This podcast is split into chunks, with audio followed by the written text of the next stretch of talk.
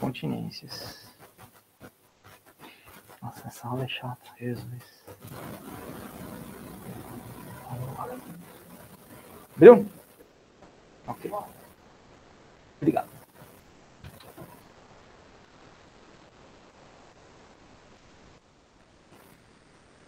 Senhoras, tirar a máscara primeiro. Senhoras e senhores, bom dia. Professor Jonathan, professor de regulamentos e instruções para o nosso curso de sargento aqui pelo GTP, ok? Muito bom dia a todos. Começar é, mais uma aula aqui sobre os regulamentos da Polícia Militar. Hoje vamos falar sobre a I-21PM, que é o regulamento de continências, é, sinais de respeitos, honra e cerimonial militar na Polícia Militar, ok? Então vamos deixar aqui já grifado, né?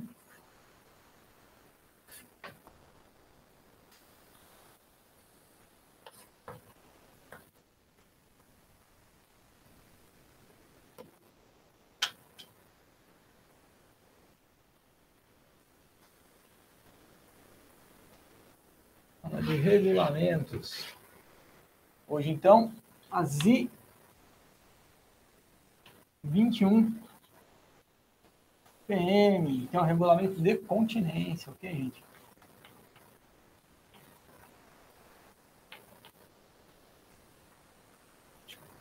Regulamento de continência. Não é só continência, né? A gente coloca como continência a base principal, mas é continência, sinais de respeito, né?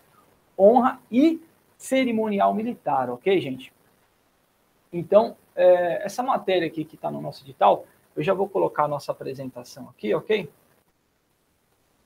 Para a gente poder aproveitar melhor a aula.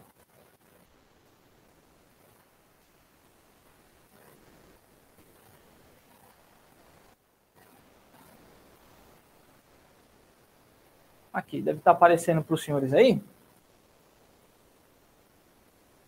Muito bem. E 21 PM. Instruções para continências, honras, sinais de respeito cerimonial militar na Polícia Militar.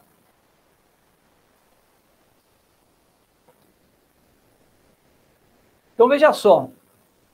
Já logo aqui no título, né, da nosso Já logo no título aqui do nosso do nosso regulamento consta ali, ó, cerimonial militar na Polícia Militar.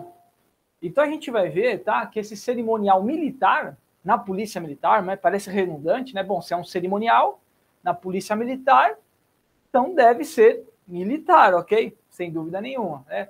É, é, mas a gente vai ver que é um, o, tanto o, o próprio cerimonial militar ele também tem participação civil, né? Por vezes pode ter também participação civil. E a gente vai ver isso mais na frente, ok? A gente não, não se confundir. Vamos lá. É, artigo 1 é, é, é, das I21 já vai, já vai trazar lá no seu parágrafo único, olha só. As prescrições dessas instruções aplicam-se às situações diárias da vida castrense. Então, veja só, gente, é regulamento de continência e de cerimonial militar, que vai ser aplicado à vida castrense, ok? Vida castrense, a vida de caserna, a vida de quartel, né? Ela é aplicado à sua vida como policial militar, ok? Muito bem. Estando o policial militar de serviço, olha só, de serviço ou não, em área militar, ou ainda em sociedade, nas cerimônias e solenidades de natureza militar ou cívica. Lembra que a gente acabou de falar aqui, ó, cerimonial militar mas pode ser aplicado em solenidades, inclusive de natureza cívica. Por que de natureza cívica? Veja só, essa, essas instruções ela vai ser aplicada para quando você tiver de serviço ou não, fardado ou não. Então imagina que você está é, é, em um cerimonial fardado, em uma solenidade, em um evento, em uma formatura, mas está ali fardado, representando, né, como um representante da Polícia Militar.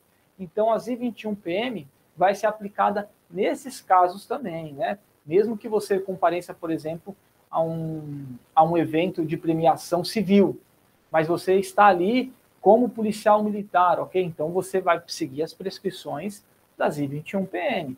né, e fala policial militar de serviço ou não, você pode estar de folga, inclusive, ok?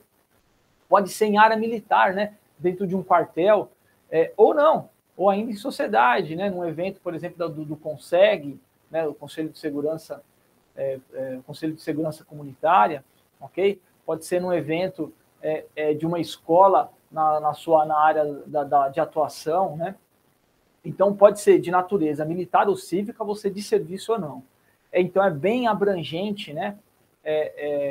A aplicação das I21PM, né?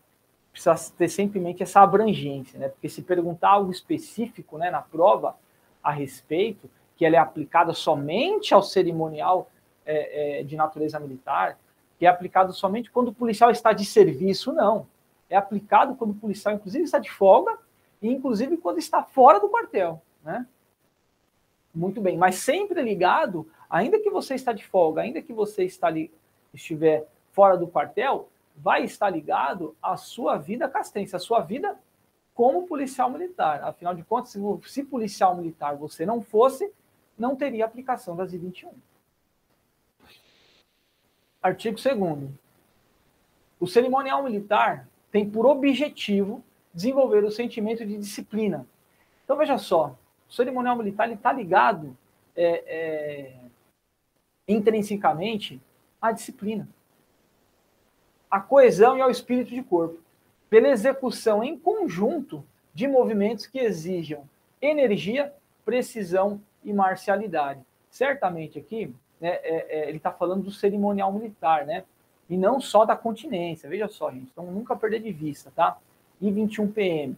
Não é só regulamento de continência, mas é, é, é regulamento também de cerimonial militar, formatura, como é que faz a solenidade, como é que se organiza um evento de natureza militar.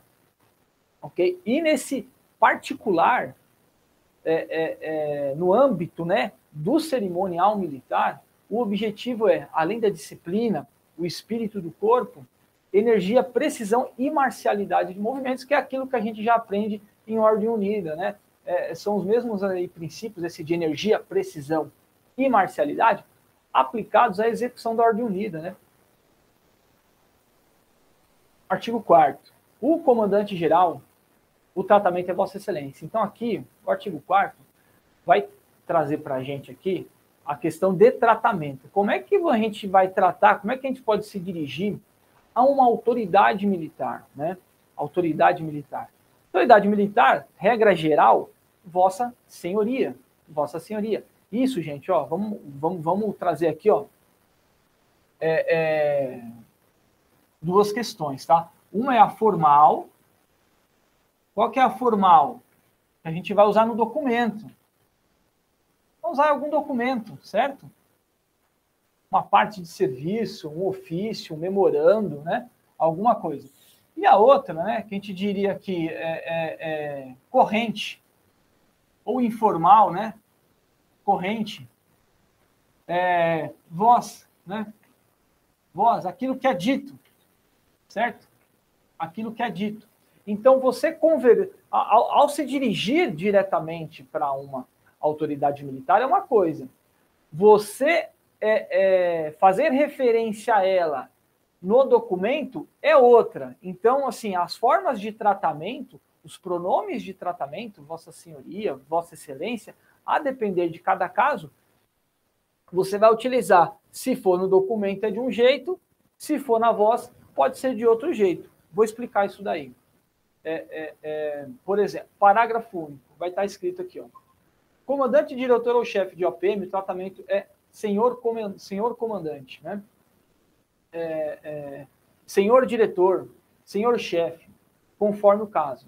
Aí fala, nas relações correntes de serviço, é admitido o tratamento de comandante, diretor ou chefe. O dia a dia do quartel. Então, o que, que essas relações correntes de serviço que está trazendo aqui o parágrafo?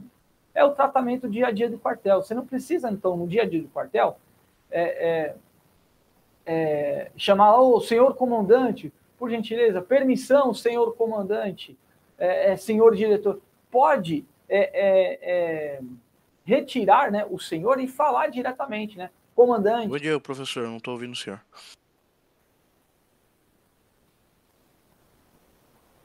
Wizen, só um minutinho, gente. Tá dando um probleminha no áudio aqui.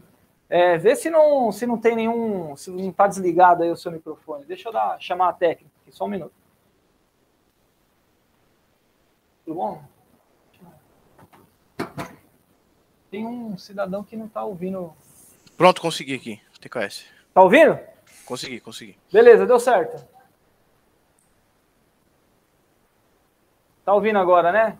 É o Rinsley, né, Rinsley? Sem novi... Tranquilo, né? Sem novidade, né? Sem novidade, TKS. Beleza, então só vou voltar aqui um pouquinho, né? Caso tenha perdido, a gente está falando aqui sobre as, os pronomes de tratamento, né? Então, no dia a dia, gente, dia corrente, você chama o seu superior hierárquico de comandante, de capitão, de diretor, né? E aqui não se fala aqui de posto, né? Olha só, não está tratando assim se ele é o coronel, se ele é o tenente-coronel, se ele é o capitão, se ele é o tenente. Ele está falando comandante, diretor ou chefe. Então, é o comandante da unidade, é o diretor de uma diretoria, né? É, e é o chefe de algum departamento, ok? Diretor, comandante é o chefe. Então, é comandante direto, né? Não precisa senhor comandante. Agora, quando vai tratar no documento, aí sim, né? Vai usar a forma formal, ok? É, é, é, assim como Vossa Excelência, né? Vai tratar algum do, qualquer documento da PM em que você é, é, for designar o comandante geral, é Vossa Excelência. Então, veja só, só tem um policial militar, ok? Apenas um policial militar, que o tratamento é Vossa Excelência, é o comandante geral, ok? É o comandante geral. Então, não há é, comandante da unidade, pode ser o comandante do batalhão, comandante do CPA. Quando a gente vai tratar ele no documento, né? aquele documento de encaminhamento, aquele documento padrão, aquele ofício padrão de encaminhamento de documento que todo mundo conhece. Encaminho a Vossa Senhoria para conhecimento e providências cabíveis, providências pertinentes, providências de estilo, né, que a gente conhece bem, ok? Vossa Senhoria, encaminha a Vossa Senhoria, a caminho, sempre a utilização de Vossa Senhoria. A única exceção qualquer, comandante geral, né? Aqueles que vão fazer um documento direcionado do comandante geral, então o tratamento é Vossa Excelência, ok? Para todas as demais autoridades policiais militares, o tratamento é Vossa Senhoria, ok? Tranquilo? Estamos tratados e nas relações correntes de serviço não é preciso utilizar o senhor. Artigo 5 fala da continência agora. Além das citadas no RCONT. Então veja só, a gente está falando aqui de regulamento de continência, as I21PM. Mas na PM também vige o regulamento de continência, o que a gente chama de RCONT, que, eu vou até escrever ele aqui, ó. O que, que é esse RCONT, né? O RCONT. O RCONT, gente, é o, é o regulamento de continência do Exército Brasileiro, né? Do EB. Ele tem aplicação na Polícia Militar? Tem também. Olha só. O regulamento de continência, então, do Exército, ele também tem aplicação na Polícia Militar, de forma subsidiária, ok? Então, assim, o nosso principal regulamento de continência é qualquer, as I-21PM. Mas ele também faz, naquilo que couber, o regulamento de continência do Exército. Só que o regulamento de continência do Exército vai cair na prova dos senhores, na prova de sargento? Não vai cair. Então, não precisa estudar, tá, gente? Eu coloquei aqui só para fazer referência. Não vão pegar lá o regulamento de continência do Exército, não precisa, tá? Não precisa. Só o ASI 21, que é o nosso. Mas ele faz referência. E o artigo 5 é um deles. Porque ele fala assim, ó, quem tem direito a, quem tem direito à continência? Quais são as autoridades que têm direito à continência? E aí lá no RConte vai falar assim, ó, presidente da República, ministros de estados, governadores de estados. Olha só. Então, o governador dos, dos estados, e não, e o governador do estado de São Paulo não está de fora, por óbvio, né? Já tem direito à continência lá no RConte. Por isso que o nosso regulamento de continência, ele começa com o vice-governador. Ele fala assim, ó, tem direito à continência. Quem? O vice-governador. Ué, então por que, que não começou com o governador, que é a autoridade máxima, que é o chefe supremo da Polícia Militar? Porque no RConte já prevê isso. E o R-Conte também é aplicado à Polícia Militar. Então, o governador do estado, a gente já sabe que ele já tem direito à continência pelo R-Conte. Por isso, as I-21 começa pelo vice-governador. Então, tem direito à continência, nos termos da, do das I21 PM? O vice-governador, sem dúvida nenhuma. Então, gente, a gente vai olhar aqui um rol de autoridades no artigo 5 que são as autoridades públicas, autoridades civis, né, que têm direito à continência. Além do governador do estado, que a gente sabe, já falei aqui, o chefe supremo do estado e da polícia militar, o vice-governador. Que é, quais são outras autoridades públicas têm direito à continência ainda? O presidente da Assembleia Legislativa. Então, os policiais militares que estão lá na assessoria da Leste, por exemplo, ou é, é, qual, qualquer policial militar que é, é, se depare aí com o presidente da Assembleia Legislativa, ele tem direito contínuo. E quem que é o presidente da Assembleia Legislativa, gente? Né? É, vamos só esclarecer, né? É um deputado estadual, né? Um deputado estadual que foi eleito pelos seus próprios é, é, é, é membros da Assembleia como presidente da Assembleia, né? A gente sabe que tem um mandato de dois anos, né? A cada dois anos troca ali o presidente da Assembleia Legislativa, que é um deputado estadual. Então são todos os deputados que têm direito à continência? Não. Nos termos das I21PM, o único deputado estadual que tem direito à continência é o próprio presidente da Assembleia Legislativa, o presidente da Câmara dos Deputados Estaduais do Estado de São Paulo. Muito bem presidente do Tribunal de Justiça, né? Tranquilidade. O desembargador, presidente do Tribunal de Justiça, também tem direito à continência. Então tá aqui, gente, só nisso daqui a gente já conseguiu ver nas três esferas, né, de poderes, né? Dentro do poder executivo, o governador e o vice-governador têm direito à continência. No poder legislativo, o chefe do poder legislativo, na pessoa do presidente da Assembleia Legislativa, e dentro do poder judiciário, o chefe do Poder Judiciário Paulista, né, o presidente do Tribunal de Justiça, ok? E ainda, né, temos ainda, se não podemos esquecer, do presidente do Tribunal de Justiça Militar, né? A gente tem um Tribunal de Justiça Militar, temos a Justiça Militar. Portanto, o presidente do Tribunal de Justiça Militar também tem direito à continência. Nesse particular, novamente aqui, ó, do TJM, do Tribunal de Justiça Militar, vamos lembrar, Lá no Tribunal de Justiça, temos sete juízes, tá, gente?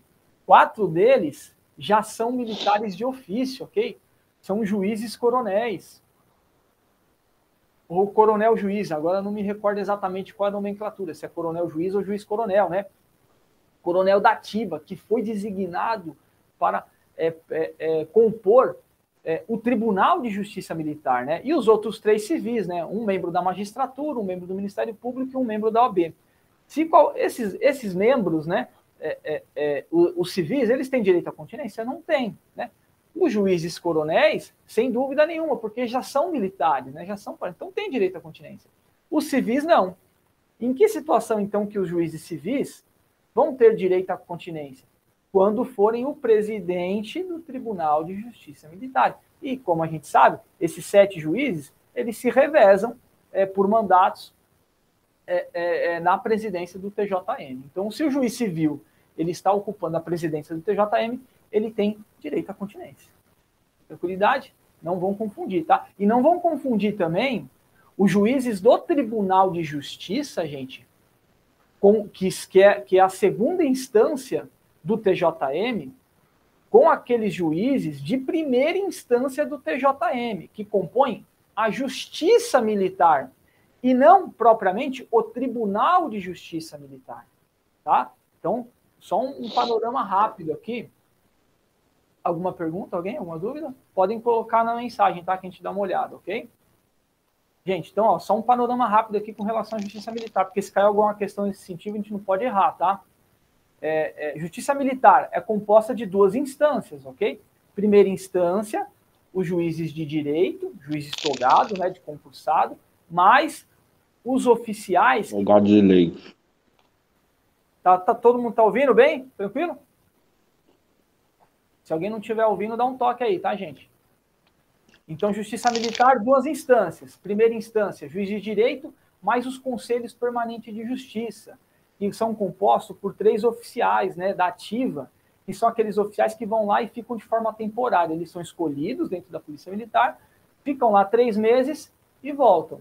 Colocam outros três, ficam três meses e voltam. Esses oficiais eles já têm direito à continência por ser oficiais, ok? Mas eles não estão efetivamente é, é, é, compondo como juízes de segunda instância, como é os outros quatro, os juízes coronéis que a gente acabou de falar, ok? É, e o secretário de Segurança Pública, né, como última aqui é, autoridade é, que tem direito à, à continência, o secretário de Segurança Pública, ok? Tranquilidade. E parágrafo primeiro, as autoridades equivalentes de outro estado têm o mesmo tratamento. Então veja só, ah, estou no estado do Rio de Janeiro, ou algum um representante do outro estado vem aqui para o nosso estado de São Paulo. Os governadores dos estados, os presidentes das assembleias legislativas dos demais estados, os presidentes dos tribunais de justiça dos outros estados, secretário de segurança pública dos outros estados, todos eles terão também direito à continência, porque são autoridades equivalentes. E Tribunal de Justiça Militar, todo estado tem? Não é todo estado que tem, né? Então, você lembra bem que, que Minas Gerais tem Tribunal de Justiça, Rio Grande do Sul tem Tribunal de Justiça, não é todo estado que vai ter aí um presidente de Tribunal de Justiça militar, ok? Muito bem. Tranquilidade aqui já, né? Parágrafo, artigo 8. Para efeito da apresentação individual, o policial militar, além do que está prescrito no artigo 41 do RCONT, novamente, né? Falando aqui, referência do regulamento de continências, declinará o seu superior hierárquico. Como é que então se dá a apresentação? Aquela apresentação individual lá, você vai se colocar em posição de sentido.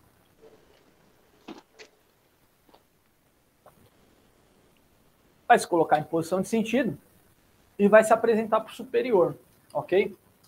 Então a gente vai perceber que são três situações aí que fala o artigo 8 A primeira situação é quando você vai se apresentar para um superior que é da sua PM, que é do seu batalhão. Você está lá no batalhão, mesmo que você seja de uma companhia ou de um pelotão destacado, mas você encontrou um superior hierárquico seu do mesmo batalhão, ok? OPM, Organização Policial Militar, é o mesmo batalhão, não precisa, não é da mesma subunidade, companhia, do mesmo pelotão, mesmo batalhão.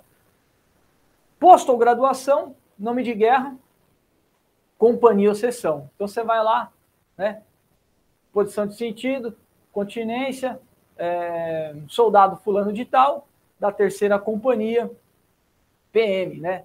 É, o nome de guerra, o posto, a graduação, nome de guerra, e a companhia. Não precisa declinar, por exemplo, RE, tá, gente? Então, você quer alguma questão? Soldado fulano de tal, 132, 133, alfa, é, da terceira. Não precisa declinar o RE. É o posto, soldado, fulano de tal, o nome, e a companhia, né? Uma companhia. Ou a seção, se você é do P1, soldado fulano de tal, P1, soldado fulano de tal, da SJD, dizer a companhia. Isso para o oficial, para o superior, aliás, né, para o superior hierárquico, pode ser inclusive um subtenente, pode ser um, um, um terceiro sargento ou um, um, primeiro sargento, da OPM. E se o superior não for da sua OPM, for de outra OPM, aí você não precisa dizer de que companhia que você pertence ou da seção que você pertence. Você vai declinar o seu posto, a sua graduação e é, a unidade que você pertence. Uma vez que o superior hierárquico é de outra OPM, então você vai se apresentar falando o seu nome e a sua OPM, né? Cabo fulano de cabo fulano de tal do sétimo batalhão. Pronto, né? Quando for o, o superior arco de outra OPM. Então, estão conseguindo entender? Se for da mesma OPM, você diz a companhia ou a seção que você trabalha. Se o superior for de outra OPM, você identifica-se a sua OPM. E quando o superior hierárquico for de outra corporação. Veja só, gente. E por que de outra corporação? Né? Vamos lembrar que nós somos militares, né? militares estaduais. E existem duas categorias, assim, é, é, é, é, por assim dizer, é, no Brasil: os militares federais e os militares estaduais. Militares federais, né? Exército, Marinha e Força Aérea. Militares estaduais, Polícia Militar e corpos de bombeiros militares, ok, gente? Vamos sempre destacar isso. Polícia Militar e Corpo de Bombeiro Militar. Ah, mas o bombeiro é junto com a PM, o bombeiro é PM. O bombeiro é PM no estado de São Paulo, tá?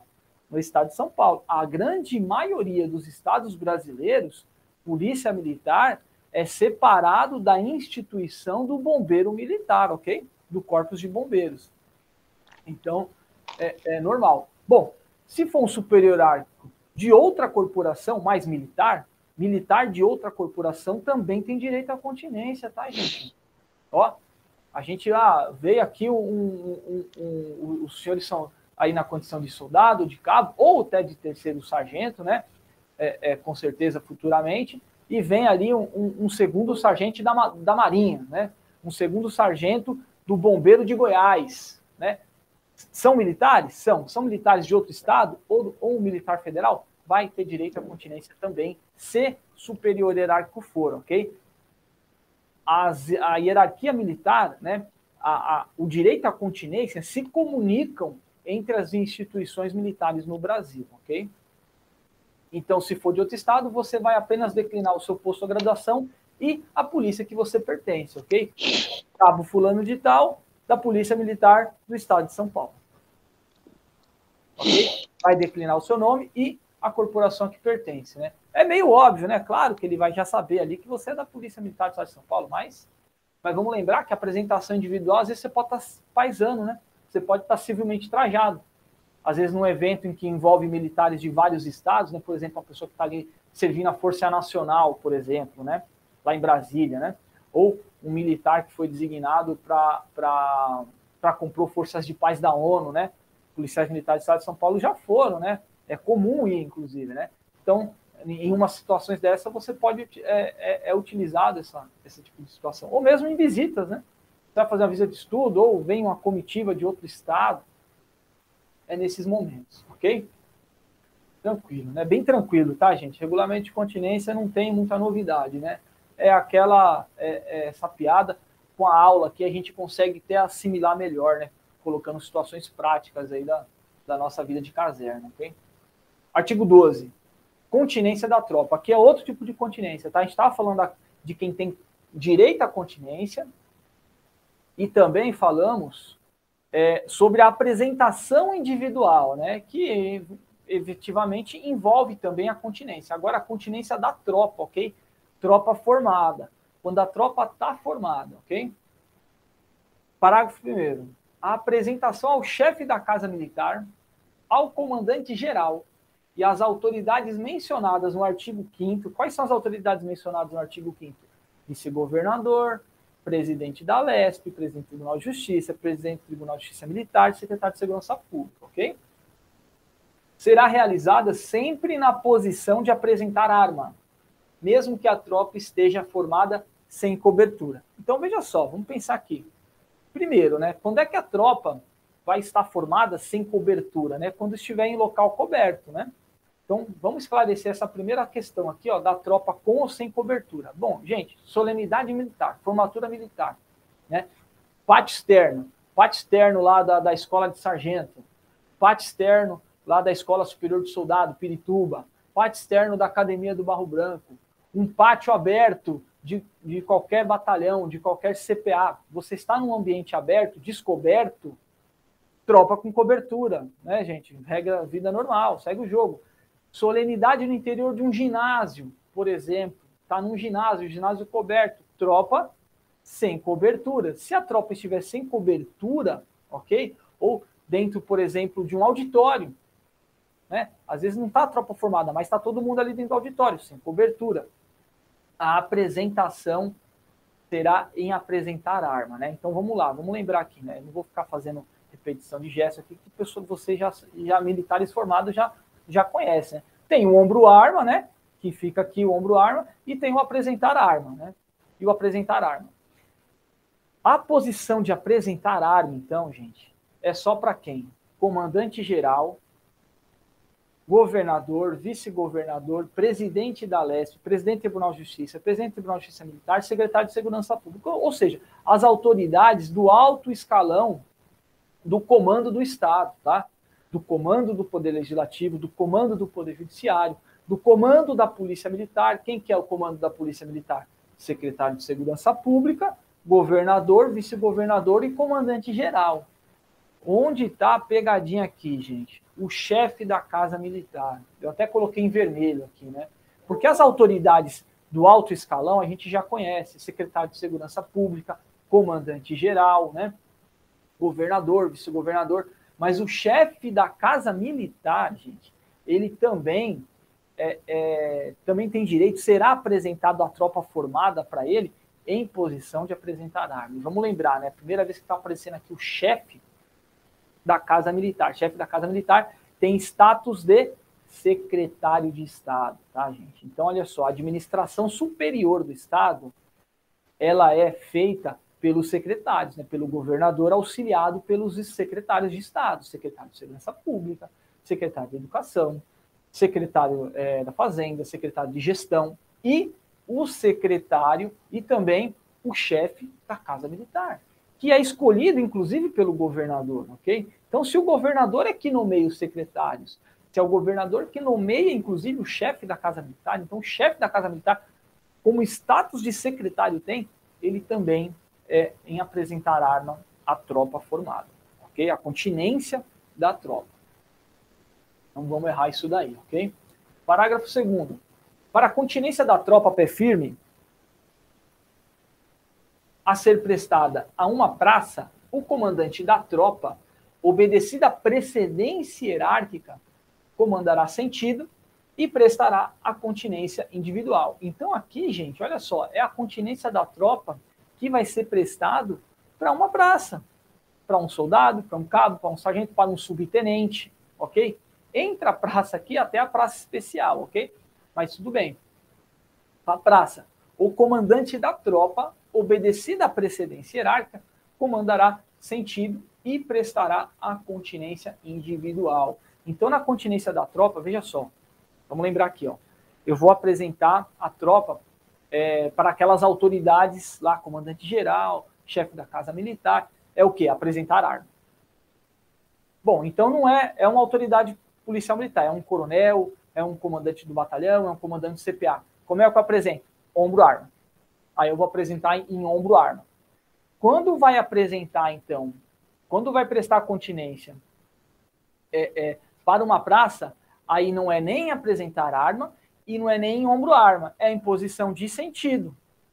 Quem vai prestar a continência será o comandante da tropa que estiver à frente da tropa e não a tropa da continência. Então a continência da tropa, quando for para a praça, ela vai ficar em sentido e quem presta a continência é somente o comandante. Então, ó, de baixo para cima. Quando é continência da tropa para a praça, tropa em sentido. Continência da tropa para o comandante de, de OPM, é, é, comandante de CPA, comandante de batalhão. Ombro arma. Continência da tropa para comandante geral, chefe da Casa Militar e as autoridades civis superiores. Apresentará.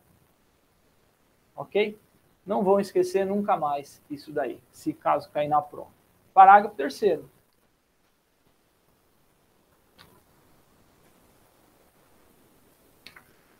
policial militar não enquadrado na tropa, no ato da continência, volta-se para a autoridade que preside a cerimônia e presta a saudação policial militar quando dá execução de seu exórdio. Gente, então o que é isso daqui? Policial militar que está fora da tropa. O cara que está lá de restrição, de uso de uniforme, de restrição física, ele não está, ou então está passando, está tendo a continência da tropa lá naquele momento, e ele está entrando lá, é, é, chegando atrasado para assumir o serviço, está passando ali pro, na, na, frente da onde está executando né, a, a solenidade, a formatura, para em posição de sentido, né? Ok? Faz a saudação é, é, individual, faz a saudação individual, voltando-se para quem está presidindo a, a cerimônia, ok? voltando-se para quem está presidindo a cerimônia. Tranquilidade? Artigo 13. No caso de continência ser prestada a bandeira de outro país ou autoridade estrangeira, a banda de música, se houver, tocará o hino do respectivo país, seguido do hino nacional brasileiro. Aqui estamos tratando, então, da continência bandeira. Olha só, ainda estamos falando de continência, mas vamos tratar agora de continência bandeira.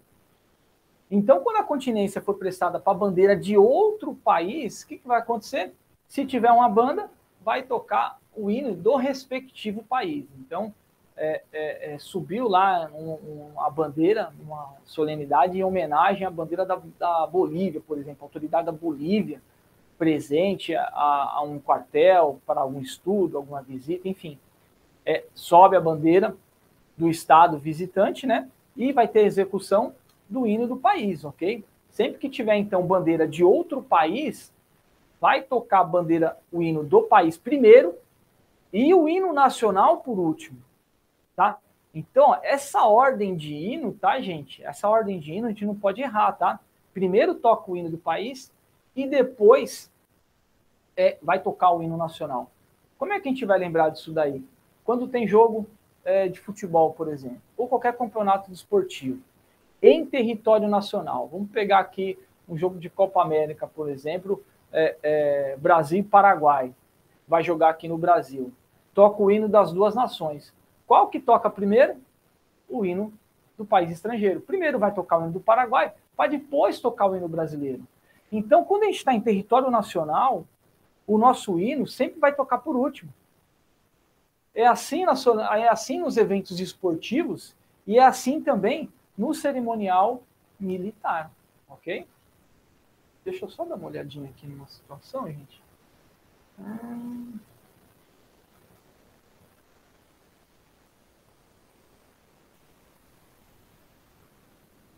Muito bem.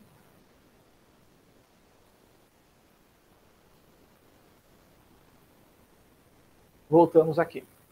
É, artigo 14. Quando uma tropa armada estiver prestando a continência regulamentar na posição de apresentar arma, né? Já falamos aqui do apresentar arma, né? O comando para desfazer a continência deverá ser de ombro arma. Gente, normal, básico, todo mundo sabe, né? Para fazer o apresentar arma, sai do ombro arma. Você taca a arma em ombro arma e faz o apresentar arma.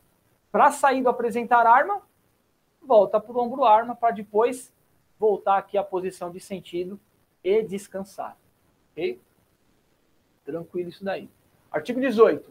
A guarda formada prestará continência aos símbolos, às autoridades e à tropa formada, mencionadas no artigo 70 do RCONT, ao chefe da Casa Militar, ao comandante-geral e às autoridades mencionadas nos incisos do artigo 5 Ó, novamente o RCONT falando aqui, tá, gente? A gente não precisa conhecer o do RCONT, tá? Já falei isso uma vez, vou falar de novo. Não vai precisar ficar pegando lá RCONT Ai, deixa eu ver o que está aqui no artigo 70. Ai, deixa eu ver aqui. Não precisa, não vai cair isso aí. Okay? A guarda formada prestará continência aos símbolos, às autoridades e à tropa formada. Então está falando aqui a continência da guarda, tá, gente? Falamos da continência individual, falamos da continência da tropa formada, falamos da continência bandeira. Agora é a guarda. O que, que é a guarda? A guarda é, a, é, é, por exemplo, a guarda do serviço de dia. Está no quartel. Não tem a, o pessoal que trabalha ali no serviço de dia trabalha no serviço de dia, né, tem essa nomenclatura, mas também é a guarda do quartel. Então, as responsabilidades dele também o quê? Fazer o quê? Arriar, é, é, hastear e arriar a bandeira nacional, né? De manhã, é, no início do serviço e no término é, do expediente também, ok? E ainda prestará continência aos símbolos, né? Que a gente já falou aqui, tem a bandeira, um deles, as autoridades, ou seja, o comandante de batalhão, né? E a tropa formada, tropa formada também. Ao chefe da Casa Militar, ao comandante-geral e às autoridades mencionadas no artigo 5 das instruções. Então, como é que é isso? Você está lá no seu quartel, num batalhão, num, CPA, enfim. E você está compondo a guarda. Né? A guarda do, de determinado batalhão, né, o serviço de dia, ou a guarda do quartel de determinado batalhão, vai prestar é, é, continência aos símbolos, né, ou seja, a bandeira nacional, por exemplo, quando é, hasteia ou, ou, ou é arriada, ao comandante do batalhão, ok? E também todas as autoridades superiores a ele, ok? É, é, no caso aqui, o chefe da Casa Militar, o comandante-geral e, por porventura, se, se chegar ali o governador do estado, o secretário de Segurança Pública em algum batalhão, a guarda também deve prestar continência a ele, ok? Falando da guarda ainda, ela não formará no período compreendido entre o arriar da bandeira nacional e o toque do alvorada do dia seguinte. Então a guarda, ela só forma, né? Essa questão formal, ela só vai se formar durante o dia. Arriou a bandeira, ou seja, deu seis horas da tarde, seis, seis horas da tarde, seis horas da noite, né? Seis horas, é, é, vai se fazer ali o arriamento da bandeira nacional, término do expediente no quartel, acabou. A guarda não forma mais. A guarda só vai se formar novamente no toque de alvorada do dia seguinte, né? Isso é muito utilizado, né? É, a gente percebe muito em unidades de escolas, ok? Mas também é aplicável, também é aplicável a qualquer OPM da Polícia Militar, ok? E aí, falamos da regra geral. Vamos às exceções, né? Exceto para prestar continência à bandeira nacional, ao hino nacional, ao presidente da República, as bandeiras e hinos de outras nações e a tropa formada, quando comandada por oficial. Então a guarda, ela não vai formar durante a noite, exceto nos casos de prestar continência à bandeira nacional, de novo, ao hino nacional, ao presidente da República, olha só, presidente da República, hein? não é governador do estado, hein? As bandeiras e hinos de outras nações, a tropa formada quando comandada por oficial. Ok? Parágrafo 2 Estando presente em uma OPM, né, em um batalhão, um CPA, em uma diretoria, em uma unidade administrativa, enfim, o seu comandante, né, o comandante do batalhão, o comandante do CPA, o comandante é, é, é, da unidade administrativa, enfim. A guarda só formará para prestar continência a oficial de posto superior ao dessa autoridade. Muito simples isso aqui. Você está lá no batalhão. Está é, lá no batalhão. Está o comandante da OPM, o tenente coronel José a guarda presta para prestar continência a ele. Ele entra dentro do quartel, a guarda vai lá e presta continência, ok? Vai a guarda, né? Vai se compor a guarda para prestar continência. Bom, qualquer outro oficial subcomandante do batalhão, coordenador operacional, o chefe do SJD, do P1, comandante de força tática, ninguém mais vai receber continência. A guarda só vai formar para prestar continência se chegar uma autoridade superior a do comandante do batalhão, como, por exemplo, o comandante do CPA. O comandante do CPA foi lá para o batalhão né, é, para participar de uma hack, de uma reunião de análise crítica. Ok? Então, apareceu lá o comandante do CPA ou qualquer autoridade superior, aí a guarda vai se formar de novo. Só quando for superior é, ao comandante da própria unidade, ok? Quando for superior ao comandante da própria unidade.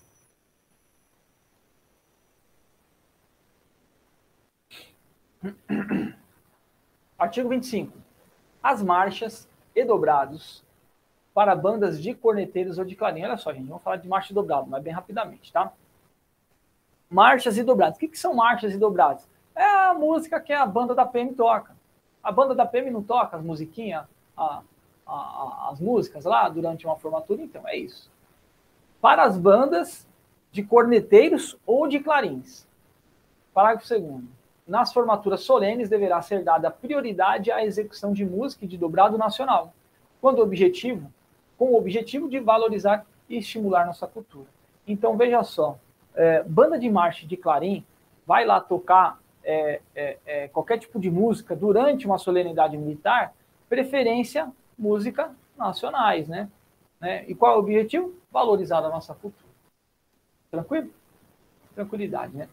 Parágrafo terceiro. Nas solenidades com a presença de público externo, veja só, deverá ser cantado preferencialmente o hino nacional para permitir maior participação dos convidados. Gente, regra geral, a gente vai fazer uma solenidade num batalhão.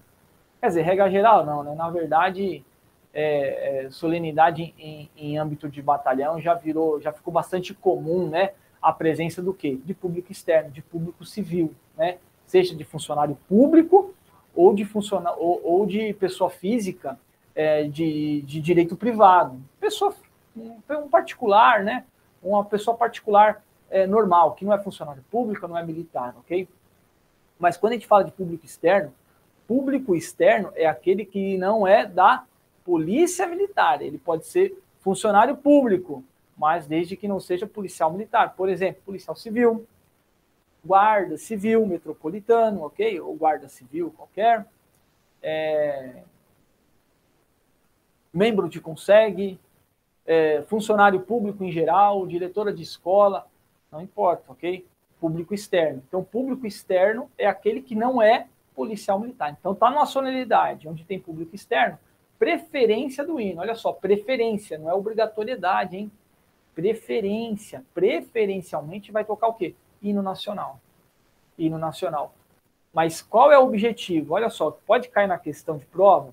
Seguinte, olha, preferencialmente, em solenidades com participação de público externo, né, o comandante da UPM deve determinar preferencialmente a execução do hino nacional.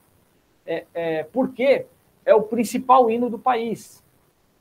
Porque é, é, é, as pessoas não conhecem o hino da Polícia Militar ou não conhecem o hino do batalhão. Não. O objetivo é participação maior dos convidados. Então, o objetivo de você tocar o hino nacional é para você ter uma maior adesão é, das pessoas que estão ali participando é, do evento. Esse é o objetivo, ok? Artigo 28. Vamos falar do estandarte agora no artigo 28, ok? Gente, primeira coisa, o que é o estandarte? Estandarte é a bandeira do comandante. É a bandeira que representa o quartel, que representa o batalhão, que representa o CPA, que representa a diretoria, que representa a unidade administrativa, qual seja. Okay? Isso, então, é o estandarte. Ok? Quanto ao estandarte, a adoção, guarda e condução. Então, está falando de adoção, ou seja, você receber, é, é, ter ali né, o, o, estandarte, a guarda do estandarte e a condução do, do estandarte. Em quaisquer solenidades, formaturas ou evento, deverá seguir o seguinte, né? O artigo 28, ele traz várias situações, mas vamos aqui focar naquilo que vai ser importante, tá, gente? Vocês estão percebendo aqui que a gente não está aqui é, é, artigo por artigo, inciso por inciso, parágrafo por parágrafo do regulamento da, das I21. Senão não vai dar tempo, né? Não tem como a gente estudar aqui ela letra da letra in, inteira aqui é, é, é para os senhores. A gente vai estar tá pegando aqui naquilo que é o principal, naquilo que tem a maior probabilidade de cair na prova.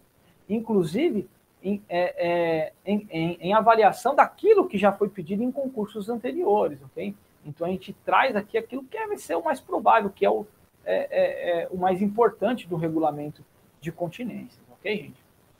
Então aqui, ó, quando a gente está falando do estandarte, lá no parágrafo terceiro ele vai falar aqui, ó, exceto o porta-bandeira, o porta-estandarte será o sargento a ser designado pelo comandante da unidade então, essa primeira parte aqui, ó, aí depois fala, né? Na Academia do Barro Branco, olha só, a PMBB, Academia de Polícia Militar do Barro Branco, né? Onde são formados oficiais da PM. Será o aluno do primeiro colocado do último ano do CFO. Mas vamos focar nessa primeira parte primeiro. Então, o porte estandarte será o sargento a ser designado pelo comandante da unidade. Gente, essa alteração foi feita em 2019, né? Tem dois anos que isso foi mudado. Isso já caiu em concurso público, tá? Para acho que foi no concurso de cabo. É uma alteração muito recente, é uma alteração importante, porque antes era designado quem o porte-estandarte? Antes, antes dessa alteração, era designado o oficial mais moderno. Então, o estandarte sempre foi oficial para conduzir. De 2019 para cá, nessa alteração, é designado quem? O sargento. Então, os senhores no futuro próximo, podem ser designados o quê? Porte-estandarte, aquele responsável por conduzir o estandarte, né? Então, muito importante a gente ir para a prova sabendo dessa questão aqui, ok? Essas alterações que foi feita em 2019, é, nas I-21, e não, essa daqui não foi a única, é importante a gente ir para a prova sabendo dela, e a gente vai tratar aqui na aula, ok? Então, tá lá. E, e aí, caso prático, né? Qual que é a situação? Imagina uma solenidade é, militar. Está lá uma formatura, uma solenidade de valorização policial militar do batalhão, né? Todo mundo aqui já deve ter passado por uma dessa, né? Vai lá formar bandeira nacional, bandeira estadual, e o estandarte, né? A bandeira do, do, da unidade. Quem que vai ser o porte-estandarte? Quem que vai carregar a bandeira da unidade? O sargento escolhido pelo comandante da unidade. Tem que ser obrigatoriamente quem? Um sargento, um terceiro sargento, um subtenente ou um primeiro sargento. E quem vai designar esse sargento? O comandante da unidade. O comandante da unidade. E veja só, gente. Ó, vamos pegar aqui o artigo 28. Ele está falando é, será o sargento. Ele está falando aqui subtenente? Não falou subtenente, hein? Ele está discriminando exclusivamente o sargento. O professor, mas espera aí, na minha unidade lá, teve uma formatura que o comandante ele designou o, sub, o, o subtenente lá para ser o, o porte-estandarte. Gente, tudo bem. O comandante ele até pode ter designado lá. Mas para a prova, a gente tem que seguir o que está aqui no artigo 28, tá? Para a prova, ele fala que o porte-estandarte é sargento. E ponto. Então, sargento na PM só tem terceiro sargento, segundo sargento primeiro sargento. Ok? Acabou.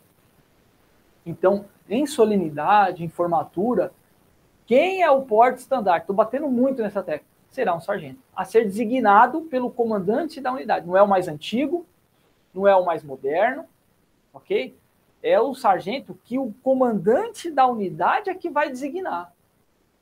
Sob, sob que, qual critério? Qual critério que o comandante da unidade vai utilizar para escolher esse sargento? Critério dele, tá? É a conveniência do comandante da unidade, tá? Sem dúvida nenhuma. Ele vai olhar ali, né? Como é, é, é um, é um local de prestígio, é um, é um é uma posição de prestígio, é uma função de prestígio ali, é, conduzir o estandarte do comandante, vai ser designado pelo comandante. Ok? É, nas formaturas, o estandarte formará à esquerda da bandeira. Então, é sempre bom a gente também é, é, é entender aqui a posição do estandarte, tá? E que esquerda é essa? De que bandeira que ele está falando? Gente, essa bandeira de que ele fala é a bandeira nacional. Tá? A gente sabe que quando a guarda forma, são três bandeiras ali, né? Bandeira nacional, bandeira do Estado de São Paulo e o estandarte do comandante. Então, o estandarte do comandante vai formar à esquerda. Eu sei que eu estou aqui, né? Os senhores estão me vendo aqui, né? Mas é à esquerda da bandeira nacional. Então, a bandeira nacional no centro bandeira estadual à direita e estandarte do comandante à esquerda, ok? Unidade. Aniversário da unidade. Olha lá, falei de solene valorização de comandante, mas tem a solenidade de aniversário da unidade, né? Solenidade de aniversário da unidade, haverá formatura geral. Então, primeira coisa, quando é o aniversário da unidade, toda unidade tem uma data de criação tem uma data, portanto, de aniversário e deve ser realizada formatura geral. Olha só, o regulamento de continência ele não deixa como opção, ele fala de haverá, é uma ordem. Vocês estão entendendo? Então, se tá, se é no dia do aniversário da unidade ou na semana ali que, que a, a unidade, né, a organização, a OPM, o batalhão, o CPA, a diretoria, tiver aniversariando, fazer aniversário, deve haver uma solenidade, deve haver uma formatura geral. Ah, o professor, mas na minha aqui esse ano de Covid passou, a gente não fez. Ok, né? São casos específicos. Ah, não, mas mesmo fora do, da época do Covid, lá teve um ano lá, aniversário do, do batalhão, e não teve formatura geral. Olha, se teve ou se não teve, a gente não vai discutir o mérito aqui. A gente está pensando o quê? Qual que é o nosso foco? Prova, gente. Nosso foco é a prova. Para a prova, aniversário da unidade, é obrigatório ter a formatura geral. Ponto. Ok? Caiu questão nesse sentido? É obrigatório? É obrigatório aqui. Haverá formatura. Ele não está colocando opção. Ok? E aí vai falando mais, né? Tomando parte o estandarte. Aí o estandarte tem que formar no dia do aniversário da unidade, cuja guarda é idêntica à da bandeira. Nesse dia, a bandeira não formará e será cantado na solenidade o hino nacional ou o cântico da unidade, da OPM. Nas OPM que não possuírem cântico próprio, será cantado o hino nacional ou a canção da Polícia Militar. Então, veja só. É... dia de aniversário da, da, da unidade, a bandeira nacional não forma. Primeira informação. Bom, aniversário da unidade, solenidade, formatura geral, formatura de solenidade da unidade, de solenidade da OPM. Bandeira nacional não forma, ok? Hino nacional, bom, não tem a bandeira nacional, mas o hino nacional vai ser cantado? Vai. Então não forma a bandeira, mas o hino nacional canta. Ou o hino da OPM. Então, ou é um ou outro. Então, se cair questão, olha, solenidade, formatura geral, de aniversário da OPM, deverá ser cantado o cântico da OPM. Não. Ou pode ser o cântico, não é porque deverá, pode ser ou o cântico da OPM ou o hino nacional. E sendo e aí esclarece, né? Toda OPM tem cântico, né? O oitavo batalhão tem, né?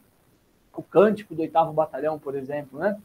Mas tem unidade que não tem é, uma canção própria. Quando não tem, canta-se, toca-se né, também o hino nacional, ok? Ou ainda é, a própria canção da Polícia Militar. Não vamos esquecer isso daí, ok? Quando formar apenas o estandarte, o sargento conduzirá, dada é, o sargento conduzirá. Outra inovação, né, de 2019, né? Quando vai formar, por exemplo, então em uma solenidade em que vai ser formada somente o estandarte, quem que vai ser o condutor? O sargento. Vamos lembrar aqui rapidamente de novo. Formou lá a guarda da bandeira. Bandeira nacional, quem conduz? O oficial. Bandeira do estado de São Paulo, quem conduz? Um oficial. Estandarte do comandante, quem conduz? O sargento. Um sargento da UPM determinado pelo comandante. Se entrar em forma, somente o estandarte do comandante. Quem que vai conduzir? O sargento. Ué, se é ele que conduz numa formatura normal, é ele que vai conduzir quando as outras bandeiras não estiver presente também. Bem esclarecido isso aí, né? Artigo 36.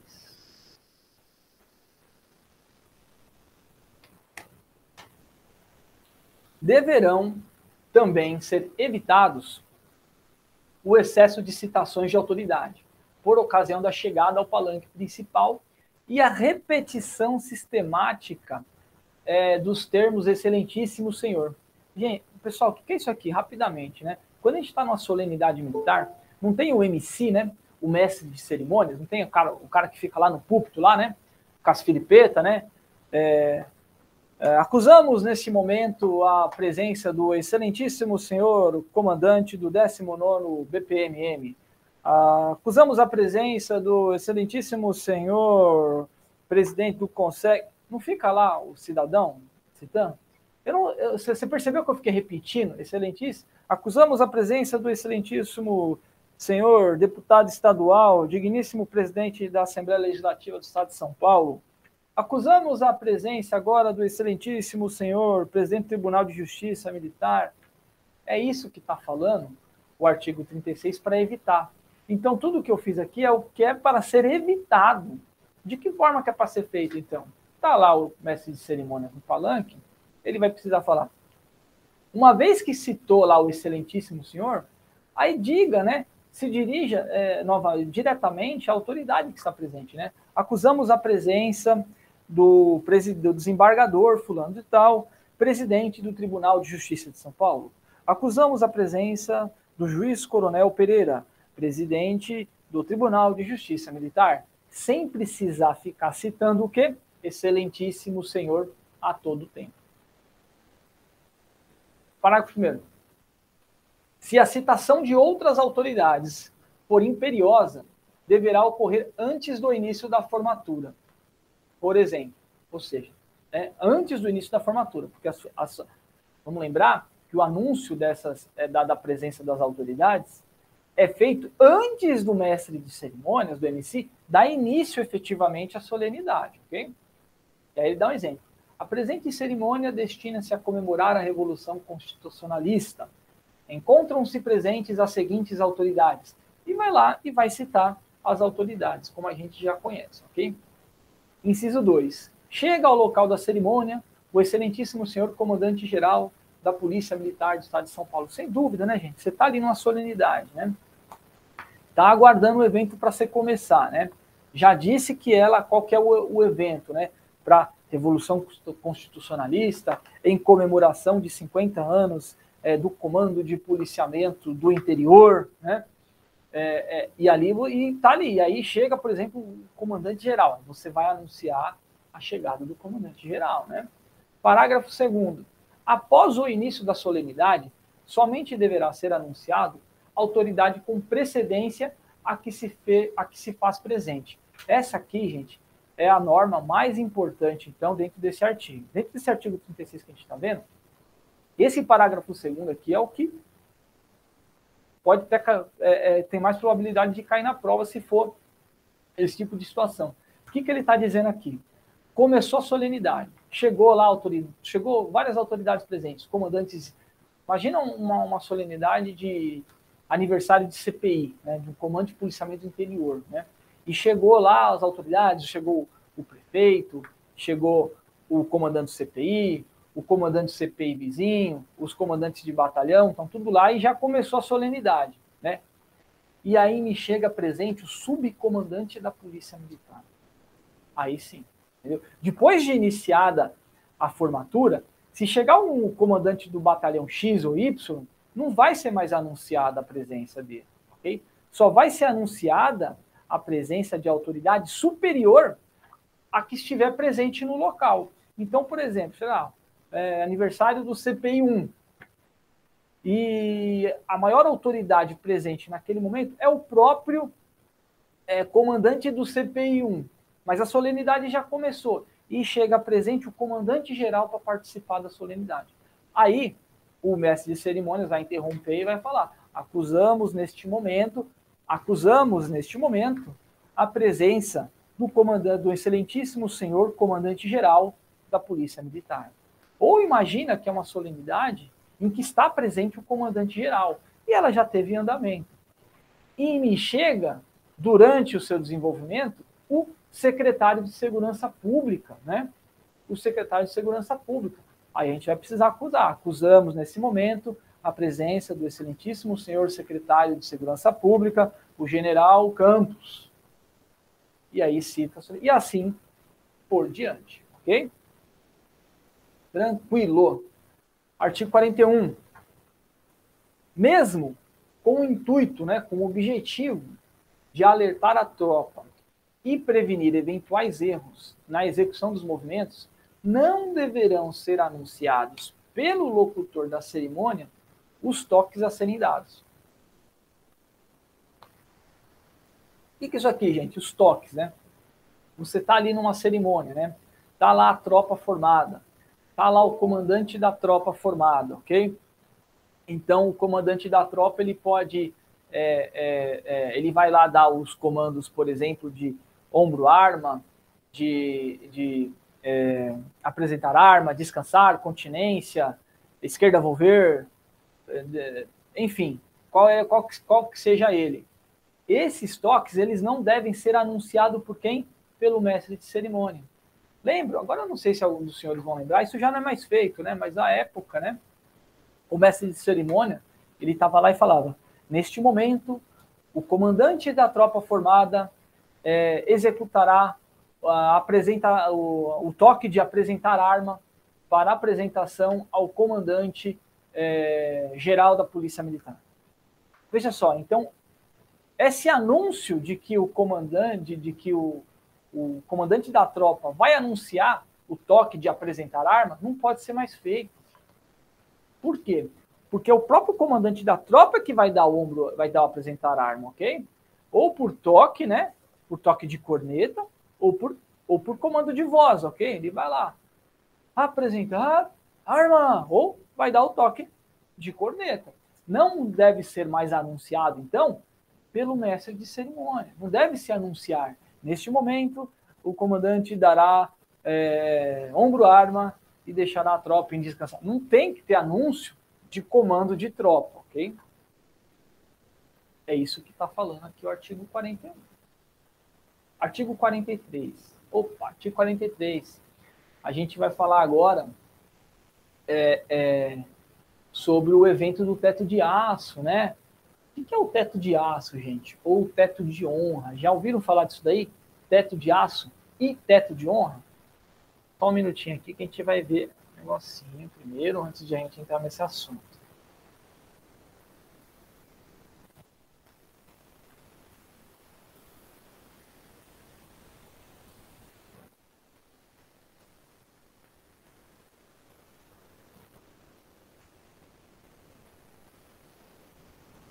Vamos lá, então. Teto de aço, teto de honra. Teto de aço e teto de honra, teto de honra é, é aquele evento, né? É aquela posição de tropa é, é, que é feito como e conhecido também como escolta da noiva, né? Lembra quando a gente vai fazer um, um, um casamento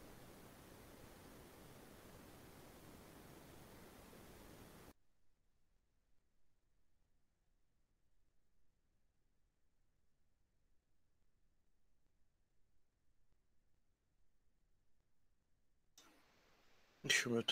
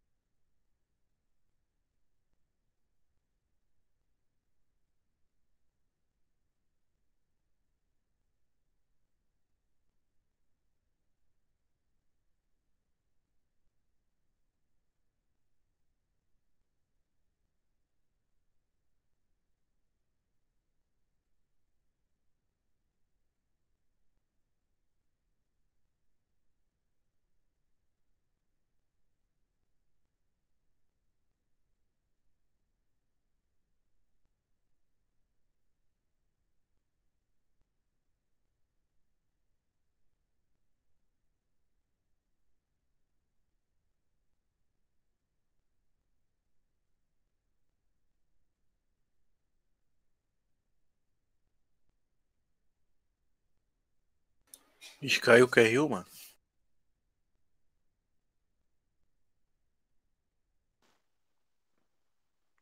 Eu acho que caiu, hein?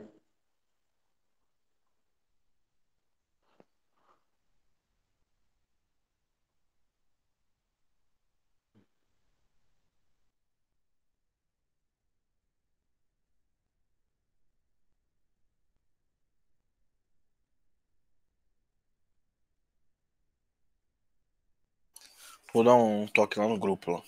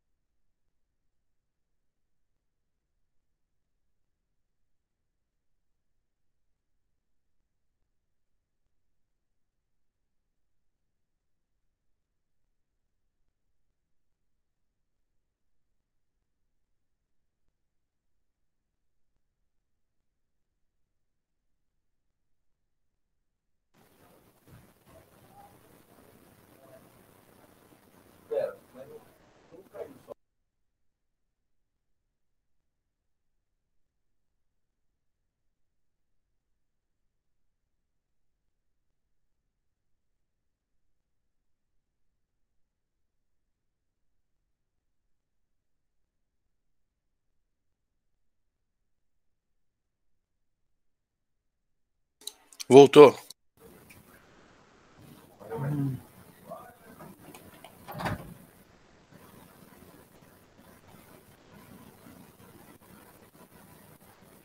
Só um minutinho, gente. Peraí.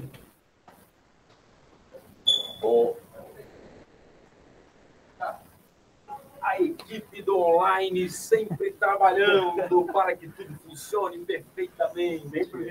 Dá uma olhada aqui se a minha tá. Aqui, ó. Vai nesse daqui.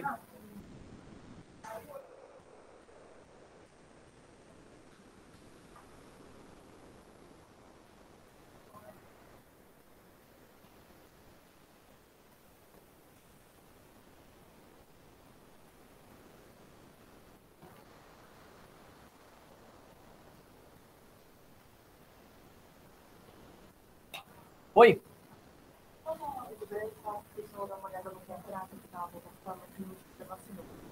Contrato na plataforma. Tá.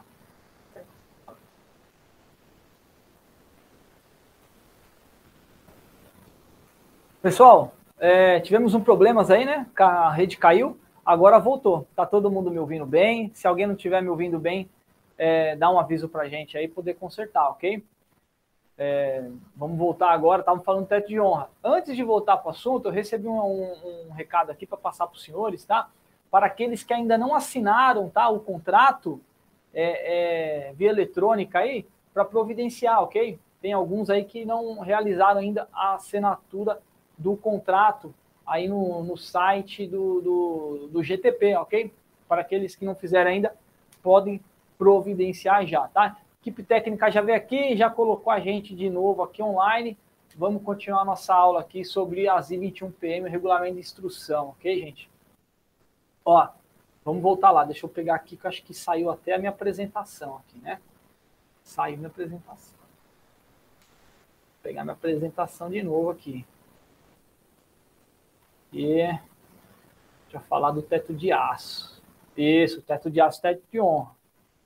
Não vai aparecer para os senhores aí a nossa apresentação. Novamente, aqui, ó.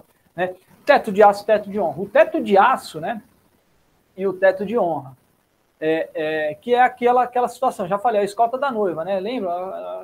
Se não foi, ou quem nunca foi aqui, né? É, entra a noiva, né? E entra ali os militares, né? Todos, né? Devidamente fardados, né? Os oficiais com espada, quando é, é os praças vai ali com o seu cap devido, né? Escoltando a noiva e depois se viram, né?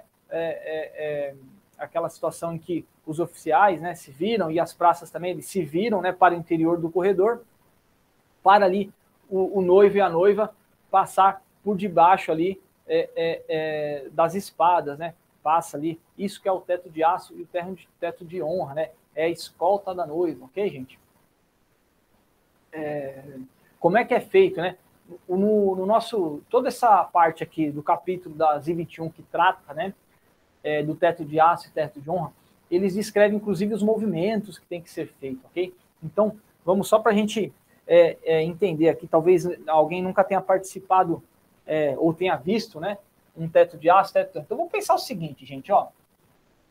Aqui é o palanque lá da igreja, tá? Só que rapidamente aqui para a gente tá lá o, pa, o, palanque, tá, gente? Isso aqui é o palanque, né? O altar palanque. Na igreja tem altar, né, gente? Eu estou colocando aqui a cruz aqui referência à religião cristã, tá, gente? Mas pode ser qualquer tipo de religião, tá? Pode ser qualquer tipo, inclusive, de cerimônia matrimonial. Pode ser, inclusive, não ser religiosa, tá? Então, pode ser aí também é, é uma cerimônia de cunho islâmico, ok? Tentei fazer aqui a luazinha. Pode ser, inclusive, é, é, é uma, uma cerimônia judaica, tá? Pode ser qualquer tipo de religião, inclusive cerimônia não religiosa. A gente vai ver já. Então, tá aqui altar, tá aqui o noivo, né? Tá lá o noivo, tá lá a noiva, ok? É, noivo, noiva. Aí tem um corredor, né? Tem um corredor. Aqui são os bancos, né? Vamos fazer aqui rapidamente. Os bancos, né? Dos convidados, né? Cheio de convidado aqui. Os, aí os, os policiais ó, vão ficar aqui, né? Ó. Eles ficam dispostos, né? No corredor, ok? Imagina que aqui é a porta, né? Aqui é a porta da entrada.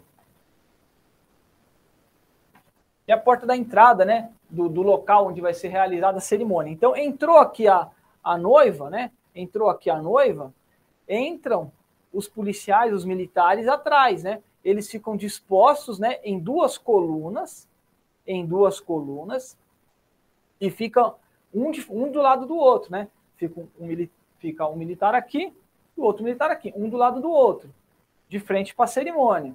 No momento em que a, acaba a cerimônia, que os noivos foram saírem da, da igreja ou do local de cerimonial, religi- é, é, matrimonial, aí sim, aí eles se voltam né, para o corredor, os oficiais é, estendem as suas espadas, né? de forma que vão formar é, um triângulo, né? E batem uma espada na outra. Por isso chamado o quê? De teto de aço. Porque vai se formar um teto com as espadas, né? Fechando assim um corredor para os noivos passarem é, por dentro, né? E no caso das praças que não tem espada, que como é que é feito? A mesma situação, mas em vez de levantar as espadas, se levanta o cap, né? O, o, as praças ficam com o cap e se levanta o cap. Isso é o teto de honra, é o teto de aço. Teto de aço, quando se fala dos oficiais, com as espadas, e teto de honra, quando é das praças com os seus caps, ok? A gente já vai falar disso de novo. Então, teto de aço para os oficiais da ativa, né? Ou da reserva remunerada. Gente, por que reserva remunerada? Olha só. Né? Por que reserva remunerada?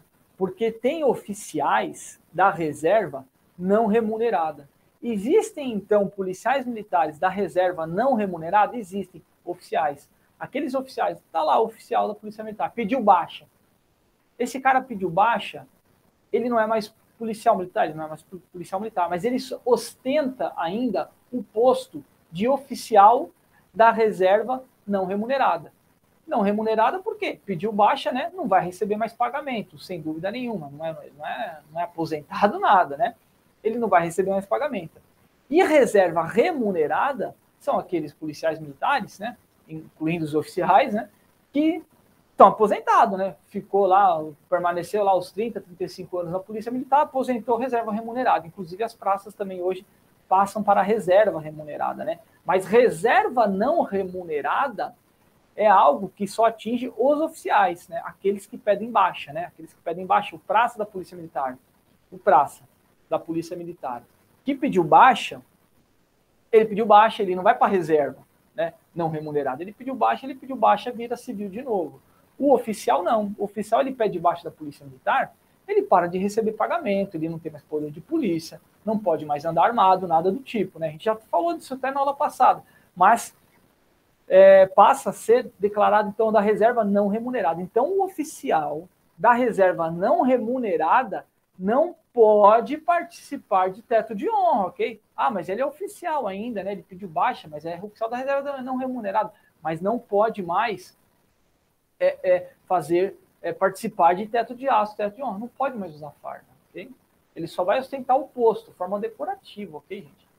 Então, oficiais da reserva remunerada e o teto de honra para as praças da ativa, da reserva ou reformados. Consiste em homenagem aos nubentes. Quem é nubente? Essa nomenclatura nubente. Nubente é o noivo e a noiva, são aquelas pessoas que estão é, é, é, participando do enclave matrimonial. Aqueles que estão ali participando da cerimônia de casamento, casando, são os nubentes, né?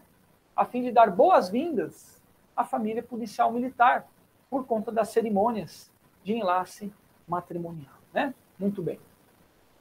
Como é que se dá, então, é, é, o, o, teto de aço, teto de honra? Primeira coisa, precisa de autorização do comandante. Professor, eu vou casar, eu preciso de autorização para casar? Não precisa de autorização para casar. Mas se no seu casamento, na cerimônia religio... na, na, na cerimônia matrimonial que você for fazer, é, se você quiser ter a escolta de noiva, se você quiser ter o teto de aço, teto de honra, tem que fazer uma parte é, pedindo autorização para o seu comandante, né? Não vai negar, né, gente? Isso, quer dizer, nunca vi nenhum comandante negar, mas precisa de autorização, ok?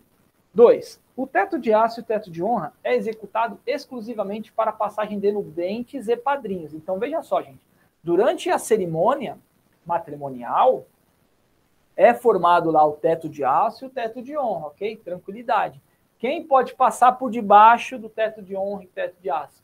Os nubentes, os noivos e os padrinhos, né? E padrinhos. Estende-se aqui padrinhos, pai e mãe, tá, gente, né? Tá lá os padrinhos dos noivos, os padrinhos das no, da, da, da, noiva, né? Vai também passar. Primeiro passa noiva a noiva e depois os padrinhos. E pai e mãe também, ok? Não é passou o padrinho, não, pai e a mãe, acabou, vamos embora. Não. Só não vai poder passar quem? O restante dos convidados, né? Já vi isso quase acontecer, ok? Passou lá as noivas, os padrinhos, e aí os convidados queriam, né? Ah, não, vamos passar os convidados aqui por debaixo do teto de aço e teto de honra também. Não pode, né? Aí ficou para mais, ok? Aquilo que a gente falou, né? Cerimônia religiosa ou civil, né? Então, a, o teto de aço e o teto de honra, ele pode ser realizado seja em cerimônia religiosa, ok? Seja em cerimônia civil. Seja em cerimônia civil. Pode ser, inclusive, uma cerimônia de cunho só civil, né? Com o juiz de paz ou com, ou com a, aquele apenas o, o, o, uma pessoa ali que vai é, fazer a cerimônia a cerimônia matrimonial, né? A participação é voluntária e deve ser do conhecimento dos respectivos comandantes. Claro que vai ser. É, é, é, é, bom, primeiro, conhecimento do comandante, porque a pessoa vai pedir autorização do comandante. Mas aqueles, né, os membros do teto de aço e do teto de honra que vão participar, o comandante dele deve saber que eles também está indo para participar como voluntário do teto de aço e teto de honra, ok? Geralmente aí são comandantes da unidade, né, da, do, do próprio é, círculo ali do militar que está casando, né? Seja ele a, a, do sexo masculino ou do feminino, o comandante dele já sabe ali é, da sua participação, ok? E é voluntária, você não pode ser escalado. Você não pode ser escalado. A gente vai ver mais à frente aqui, ó, é, é, que são 10, né? Que para você fazer um teto de um teto de aço, tem que ter no mínimo 10 policiais. Bom, e aí eu pedi para eu quero fazer ali o teto de aço, teto de honra no meu casamento, mas não consegui o número mínimo. Aí o comandante ele vai escalar os policiais, por exemplo, para poder compor o teto de aço, o teto de honra. Então imagina um comandante da unidade, o comandante da unidade vai casar, e fala assim, bom, vou casar e eu vou escalar aqui os policiais para é, comporem ali o meu teto de honra. Ele não pode escalar, não é ato de serviço isso aqui, hein, gente você vai estar fardado, você vai estar numa solenidade de cunho militar, ok? Regulado pelo regulamento da Polícia Militar, às 21 PM, mas é horário de folga, tá? Isso daí não é escala de serviço. Por isso, essa questão da voluntariedade, tá? É voluntário, você participa se você quiser. Você não pode ser escalado, ok? a participação correspondente aos movimentos, sendo a dos oficiais por oficiais e praça por praça. É aquilo que a gente até adiantou, né? Se é um, um casamento de um oficial, então o teto de aço vai ser composto por oficiais. Se é a, é, é a participação, se é o casamento de um praça, então a participação do teto de honra tem que ser obrigatoriamente por praça. Ah, professor, mas eu sou praça, ok? Eu sou cabo da PM, eu sou terceiro sargento da PM, ok? Mas eu tenho um amigo meu que ele é capitão, que ele é tenente, nós somos amigos de infância. Ele não pode participar? Não pode.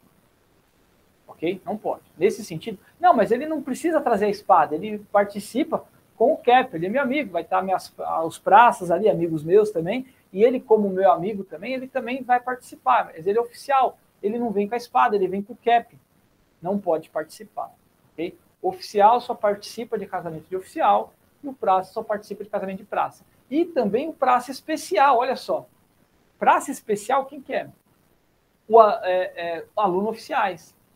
Para o praça, para o praça especial, né, o aluno oficial, só pode ser composto por aluno oficial, que não vai ter nem cap e nem espada. Vai ser o quê? Espadim é uma, seria uma pegadinha isso aqui na prova, mas se cair com o teto de aço, o teto de honra, composto por praça especial, só pode ser composto por praças especiais, ou seja, por alunos oficiais de posse de espadinha, ok?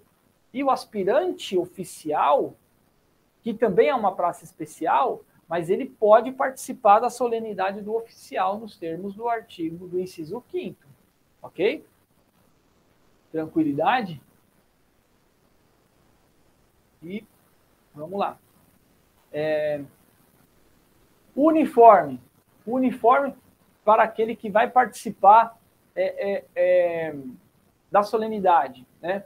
Regulamento de, é o uniforme de gala, uniforme de gala, nos termos do R5. O R5 a gente vai falar aqui também na nossa aula, tá? Próxima aula, salvo engano, inclusive, deve ser do regulamento de uniformes. Uniforme que o policial militar vai usar, o, o policial militar masculino, tá? Olha só, agora duas formas. Tem o policial militar feminino e o masculino. Uniforme de gala. O masculino é obrigatório. Vai participar do teto de honra, vai casar, tem que ser uniforme de gala, ok? É o uniforme de gala, que é aquele que é o chamado GP, GM1 ou é, é, GF1, ok? Uniforme de gala. E a gente vai falar de uniforme. Não precisam se capar agora. No, no, na aula de regulamento de uniformes, a gente vai tratar mais especificamente disso. E se for do sexo feminino, pode casar, claro, né? Do vestido tradicional de noivo, ok, gente? Pode se casar com o vestido tradicional de noivo. Ou o uniforme previsto no R5, a túnica branca, ok? Então, o sexo feminino não precisa, né? Ah, eu sou militar feminino, né? Quero fazer o teto de aço, teto de honra. Preciso casar fardada? Não, pode ir com o vestido de noiva, né? O vestido tradicional de noiva branca, ok? Aliás, ele não fala da cor, né? Ele fala assim, né? Vestido tradicional de noiva. Né? Qual o vestido tradicional de noiva? A gente conhece como vestido branco, né? Ou o uniforme previsto no R5PM, né? no R5PM, que é a túnica branca, ok?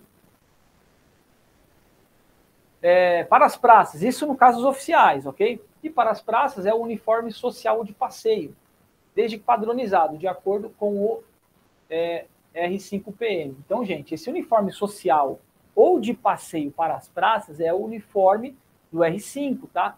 É, é, é uniforme social, não é traje social. Ah, vou de terno participar do teto de, teto de honra. Não. Teto de honra das praças, uniforme social ou passeio. PM1 ou PF1, né, no caso feminino, ou o S1, SM1 ou SP, SF1, que é feminino. A gente vai falar dessas nomenclaturas de uniforme na próxima aula. Não esquenta a cabeça agora com isso, tá? Mas é uniforme, tá? Que é aquele lá, uniforme lá, do, é, com cap, sapatinho, entendeu? Ou aquele outro lá que é com, com, com túnica, aquela túnica cinza, ou a camisa cinza bandeirante. A gente vai falar isso no regulamento de uniforme. E chegando na. E aqui, né, o inciso 9, o inciso 11, aliás, né, vai tratar. Teto de aço, teto de honra será comandado pelo PM mais antigo. Está ali formado o teto o comandamento do teto de aço, teto de honra, é pelo PM mais antigo, né? Que provavelmente que fica ali é à frente, né? Do lado direito, né? Da coluna, responsável pela verificação, inclusive, da apresentação pessoal individual dos integrantes. Todo mundo vai chegar lá fardado, né? Bonitão para fazer o teto de aço, teto de honra.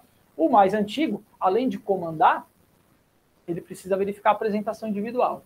E a gente já comentou, né? será constituída por no mínimo 10 PMs. Então, vai fazer o teto de aço, teto de honra, tem que ter no mínimo 10 policiais militares, divididos em coluna. Então, se foi 10, tem que ser 5 para cada lado. Se apareceu 12, 6 para cada lado. E assim por diante, ok? Olha lá. Com o mesmo número de PM de cada lado, postados na entrada principal do local da cerimônia. Então, se prosta primeiro aqui na entrada, né? passa a noiva e vem os e vem ali os militares na sequência fazendo a escolta da noiva. Por isso o nome de escolta, porque eles vêm atrás da noiva. Depois que os noivos passam, eles seguem atrás também. Por isso escolta?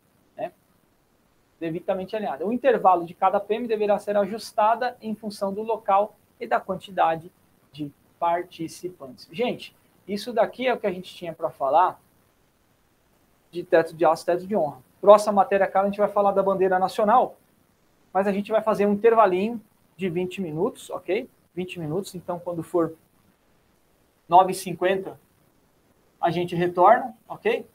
9h50 a gente retorna para o término da nossa aula, ok? Tempo aí de tomar um cafezinho e ir no banheiro.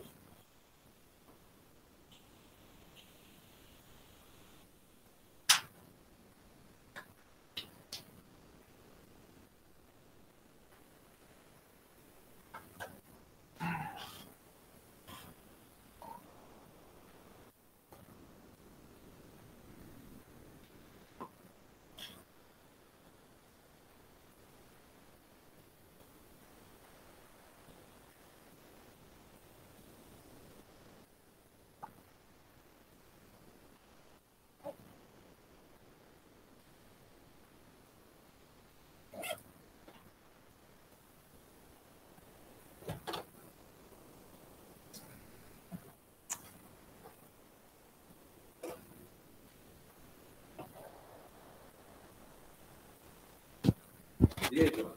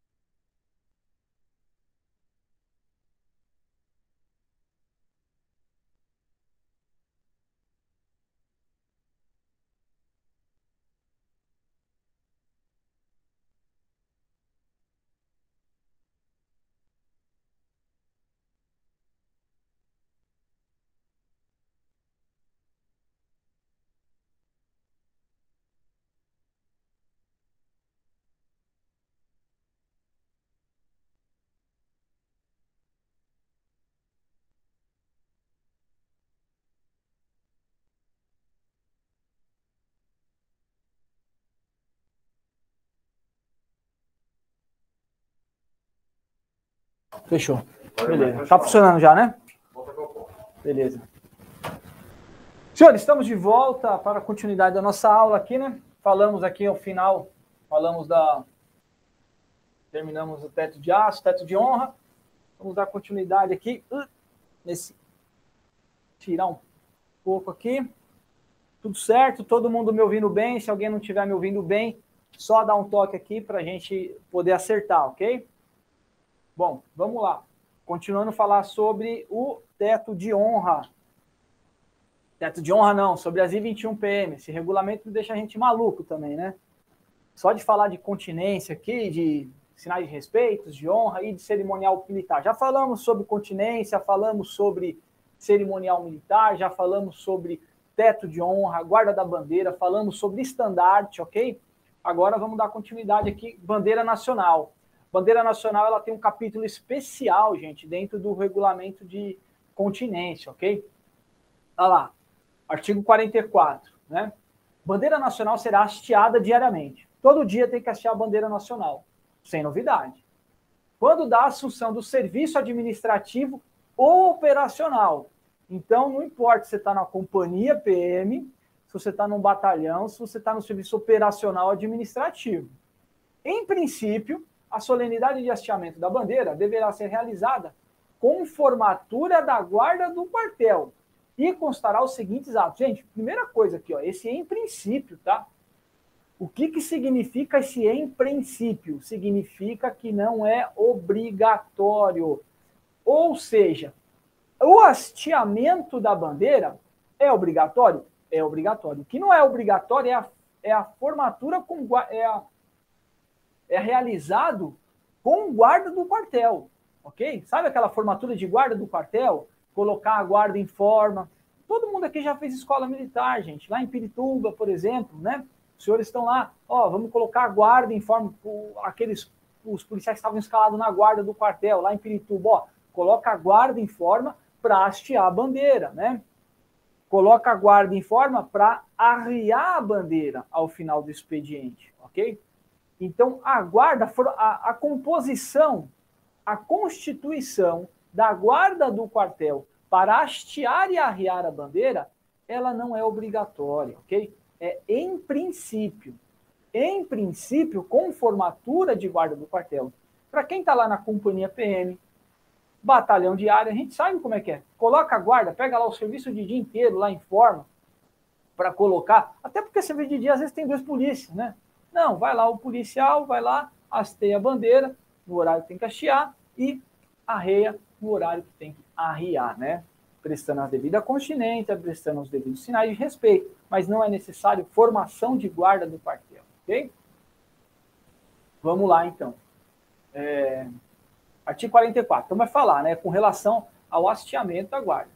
Formatura de efetivo em serviço. Então, quando vai ser formado? Agora a gente vai falar todos os aspectos quando tiver a guarda do quartel, né? Quando tiver a guarda do quartel. Quais são os atos? Formatura de efetivo de serviço, toque de sentido em ombro armas, né? Então a guarda vai formar, tem que dar o toque de ombro armas, ok? Sentido e ombro armas, né? Não é um ou outro é, o PM designado, policial militar designado, em regra, o sargento adjunto, ladeado por outros dois policiais militares, conduzirá respeitosamente a bandeira nacional dobrada seis vezes sobre os braços, à frente do corpo e em passo ordinário até o mastro principal. Ok?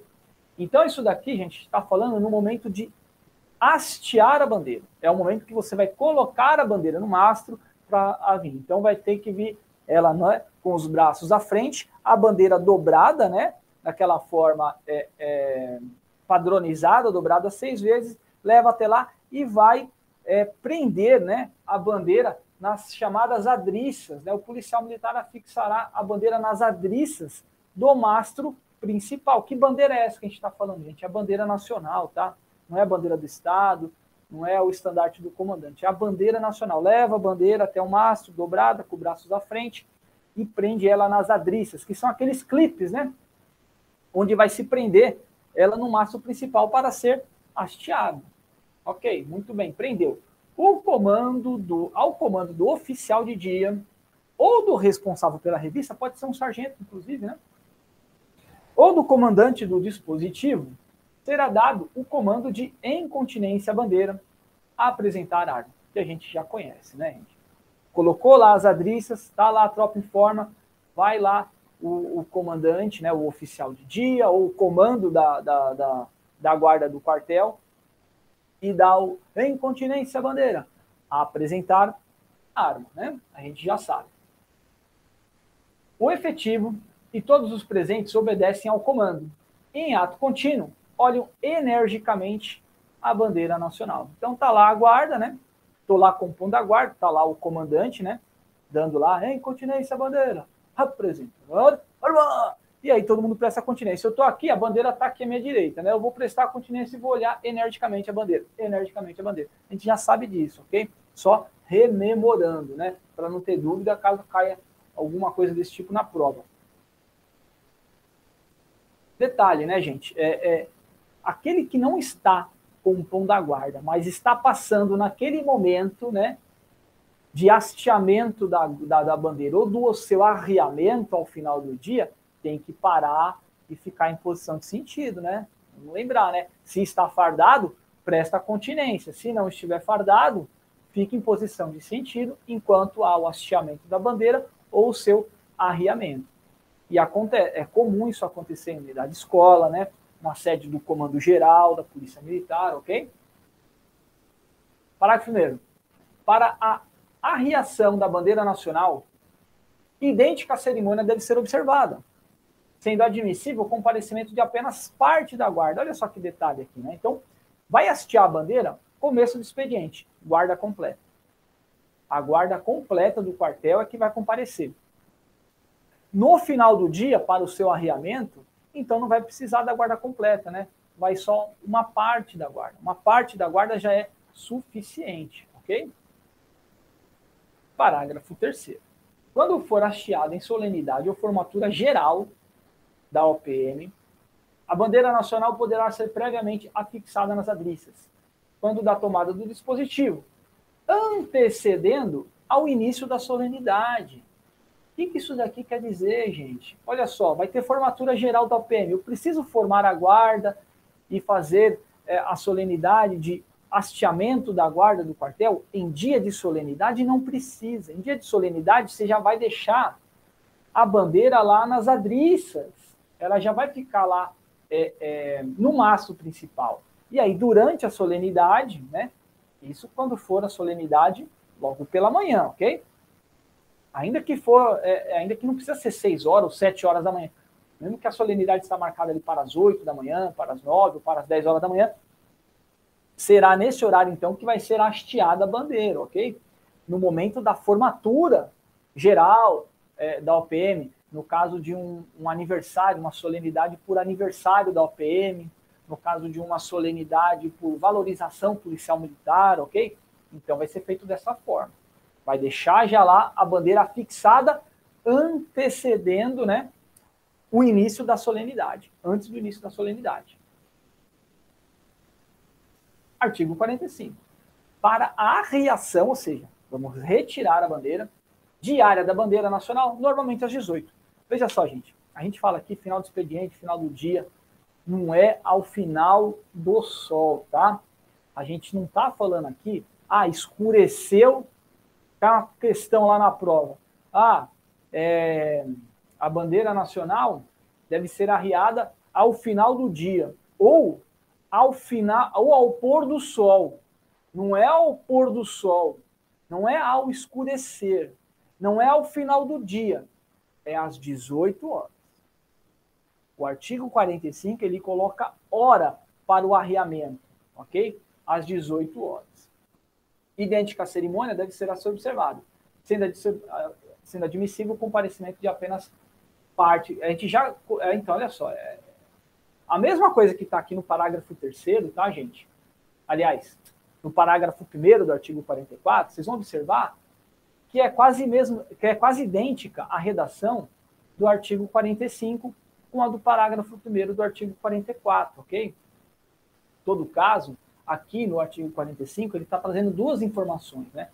Que é a, diariamente e o horário, né? Normalmente, ele coloca, né? Normalmente às 18. Então, ele coloca, né? Que se normalmente às 18, né? Mas coloca o horário. Mas ela pode, então, ser arriada após as 18? Pode. Artigo 46.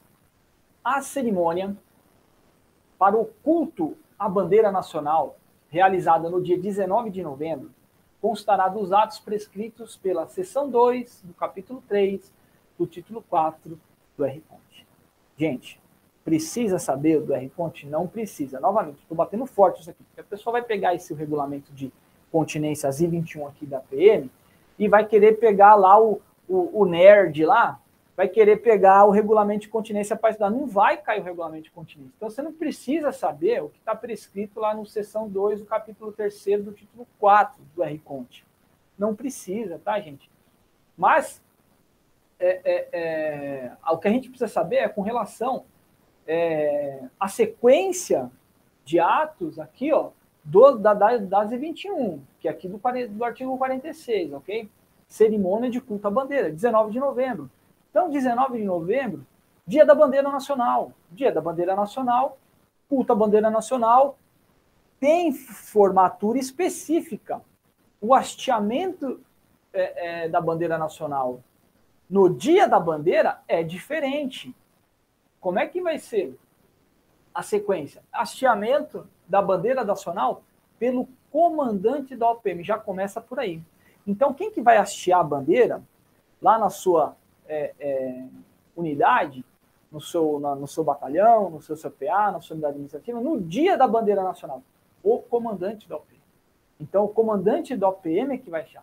Ah, professor, mas eu nunca vi comandante da, do batalhão ou comandante do CPA achar a bandeira. Bom, você nunca viu é uma coisa. O que vai cair na sua prova é outra, ok? Na prova, determina. O comandante da OPM é que achou a bandeira. E, gente, né, é, acontece, já vi, né? Pelo menos nas solenidades que eu participei de Dia da Bandeira, Dia da Bandeira, é o comandante da OPM que hasteia, ok? Incineração da bandeira nacional e o canto do hino à bandeira. Lembram-se? Incineração da bandeira nacional. Como que vai acontecer essa incineração da bandeira nacional? Peraí, professor, é o dia da bandeira então a gente vai queimar a bandeira, gente, vai queimar bandeiras inservíveis, tá? Essa solenidade de incineração é aquela solenidade onde, onde o batalhão vai pegar aquelas bandeiras inservíveis, né? aquelas bandeiras que já estão desgastadas, né? Velhas, já antigas pelo tempo, já é, é, é, é, sem a coloração já, já descolorida, rasgadas né, pelo tempo, pelo uso do tempo.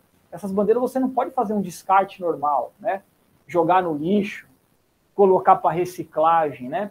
Bandeira nacional, gente. As bandeiras, a gente vai utilizar ela no dia do, da, do culto à bandeira, 19 de novembro, é feita lá uma cerimônia com uma incineração dela, naquele objeto lá que eu esqueci o nome agora, que a gente faz lá para botar para queimar ela, ok? É nesse momento que, vai, que a gente vai descartar as bandeiras inservíveis. Uma solenidade de incineração, porque ela é um símbolo nacional. Ela não pode ser tratada como qualquer objeto, uma roupa velha que a gente descarta. Ok? E aquele detalhe, né, que a gente sabe, que, é, que, que horas que acontece, né, é, o culto à bandeira no dia da bandeira nacional? Ao meio-dia. Então é aquela solenidade que não vai ser a bandeira hasteada no início do expediente, de manhã, 7 horas da manhã, 9 horas da manhã, 10 horas, dependendo da, da, da solenidade. Não. A solenidade, então, é, é, da bandeira nacional, ela começa por volta do meio-dia. Veja só. Quando tem o culto à bandeira, ela começa ali 15 para o meio-dia, 10 para o meio-dia, para quando for meio-dia em ponto, ela ser hasteada e é dentro dessa cerimônia também que é o que acontece a incineração que a gente já é, citou, ok? Fala lá, a bandeira nacional será hasteada a meio-dia, 12 horas, né? De acordo com o que prescreve o parágrafo 2 do artigo 152 da RCONT. Ah, o que prescreve lá? Não importa. Quem precisa saber é que é meio-dia a bandeira nacional é hasteada. Então, assim, para a prova, dia 19 de novembro, culto à bandeira nacional. meio-dia ocorre o hasteamento, é feita a incineração das bandeiras inservíveis e a bandeira deve ser hasteada pelo comandante da OPM. É isso que os senhores precisam saber. 49. O culto à bandeira estadual, olha só agora, culto à bandeira nacional, culto à bandeira estadual. Reger-se-á na conformidade do decreto estadual 11.074, que a gente não precisa conhecer, porque não vai cair na prova, devendo ser hasteada diariamente nas sedes das OPM de escalão até companhia. Pronto, é isso que a gente precisa saber. Que, com relação ao culto da bandeira estadual, ele deve ser feito nas OPMs até escalão de companhia. Então, até nas companhias PM, deve ser realizado é, o culto à bandeira estadual, a bandeira do estado de São Paulo. Então, não pode fazer em âmbito de pelotão PM, pelotão aí tem nas cidades do interior ou na região metropolitana de São Paulo, ok? E muito menos, então, de grupo policial militar, que são os pelotões que são comandados por oficiais, né?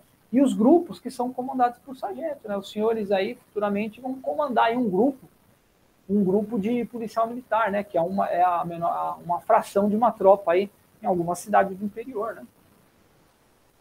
Artigo 50. A bandeira paulista será hasteada ao lado do pavilhão nacional.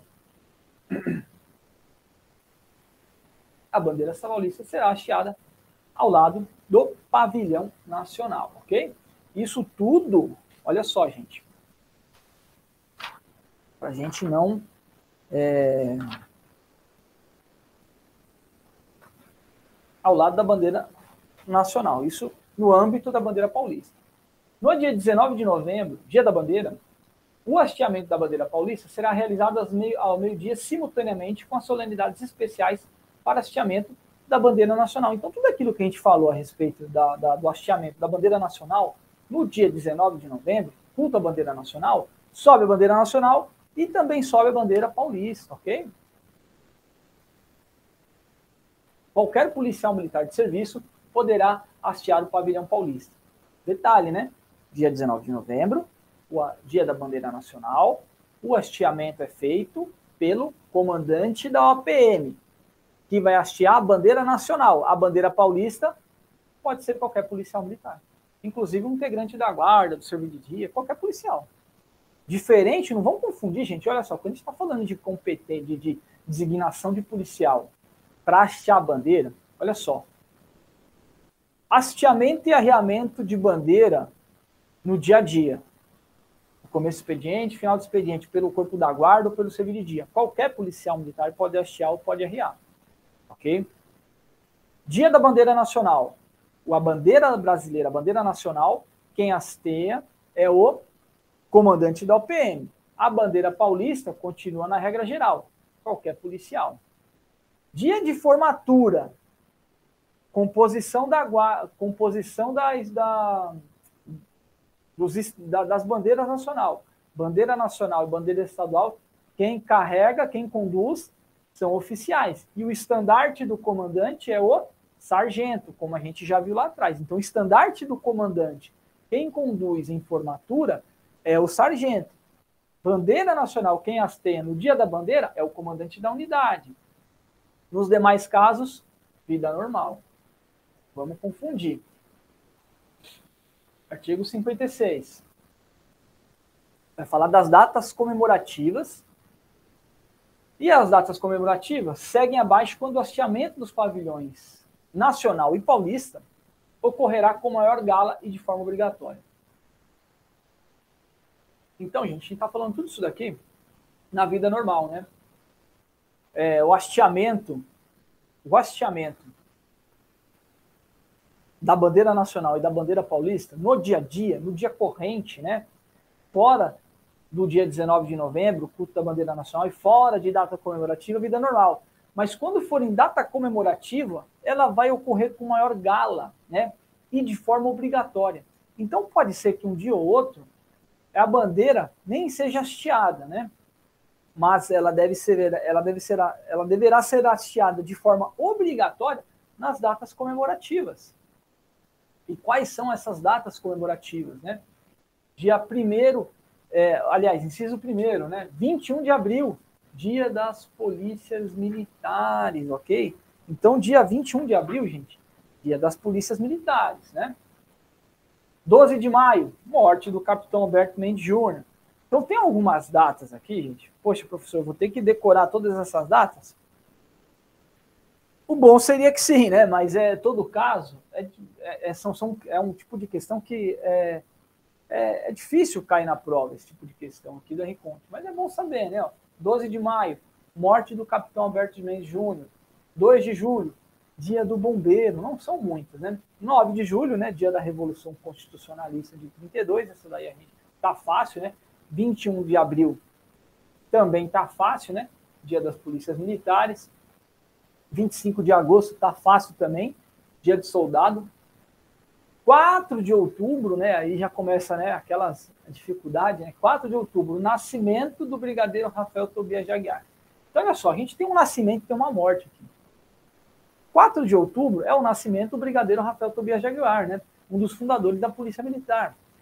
E 12 de maio, morte do capitão Alberto Mendes Júnior, o herói da Polícia Militar Paulista. Dia 19 de novembro, dia da bandeira, acabamos de falar, né? Tranquilo esse aqui também.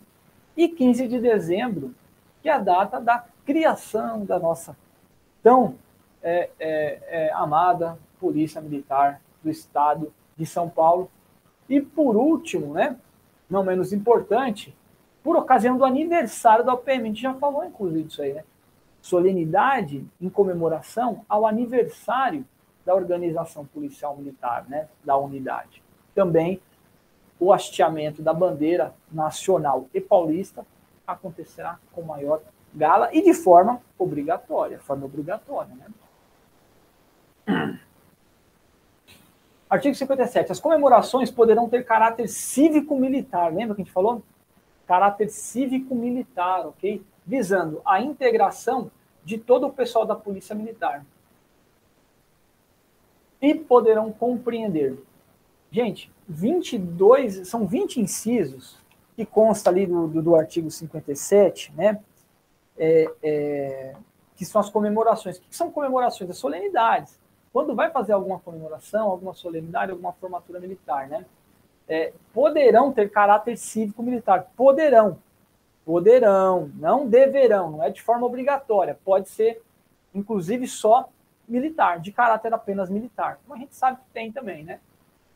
Uns exemplos, né, de, de, dessas, é, desses tipos de comemorações, né, que pode compreender atos sociais de confraternização, fala lá o artigo 57 também, competições desportivas, demonstrações. Quem nunca participou da solenidade, quem tem uma demonstração de abordagem, por exemplo? Tem inclusive vídeo na internet, né? Às vezes, numa, numa solenidade, vai fazer uma demonstração de abordagem, a viatura vem é, vem em alta velocidade, capota, né? Quem já nunca viu isso aí, né? Já acontece aí, às vezes, umas, umas atrapalhadas aí em dia de, de apresentação, né? Ou vai fazer uma abordagem, né? Coloca lá o carro civil, a viatura vem atrás para fazer abordagem com o público, cheio de gente. Aí vai, freia muito rápido, a viatura vem atrás e bate na hora da abordagem. Já vi também acontecer. Mas isso a gente está comentando aqui de forma meio é, é, é de forma descontraída aqui, mas a gente sabe que a grande maioria das vezes não acontece esses desastres, né? Desfile militar de OPM, exposição, né? Quem nunca foi numa formatura aqui tem exposição né, de objetos, né? É, de equipamentos ali da, da Polícia Militar. Para quem é fora do da, é, é, público externo, né? E até o público interno, ter conhecimento ali do, do material utilizado, né? Então, esses são, são exemplos, né? De, que pode compreender uma solenidade. Muito bem. Nas passagens de comando, o evento de transmissão do cargo será conduzido pela autoridade imediatamente superior na cadeia de comando e do comparecimento dos comandantes das OPM subordinadas. Gente, o que é isso aqui? Então, estamos falando de outro tipo de solenidade agora, já falamos várias, né? Solenidade de culto à bandeira, solenidade de aniversário de, de, de OPM, e agora vamos falar de, de solenidade de passagem de comando. O que, que é isso, passagem de comando? Trocou o comando da unidade, trocou comandante da unidade. Né? Vamos trocar o termo, termo correto.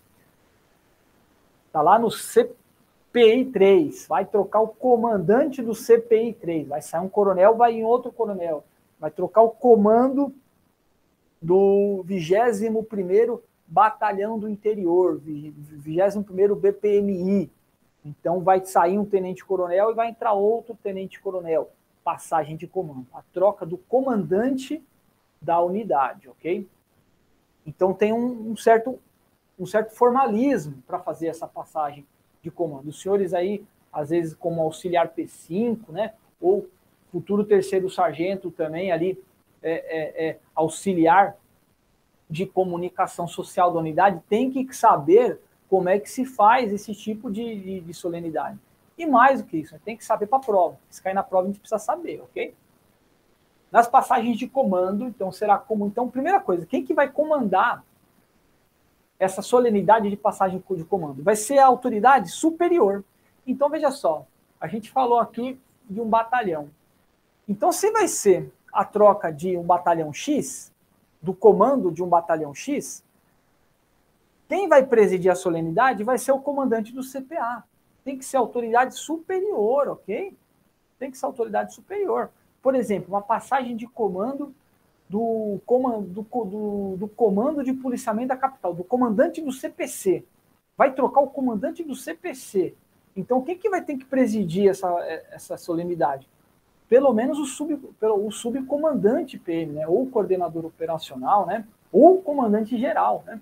E no caso de um batalhão, o comandante do CPA.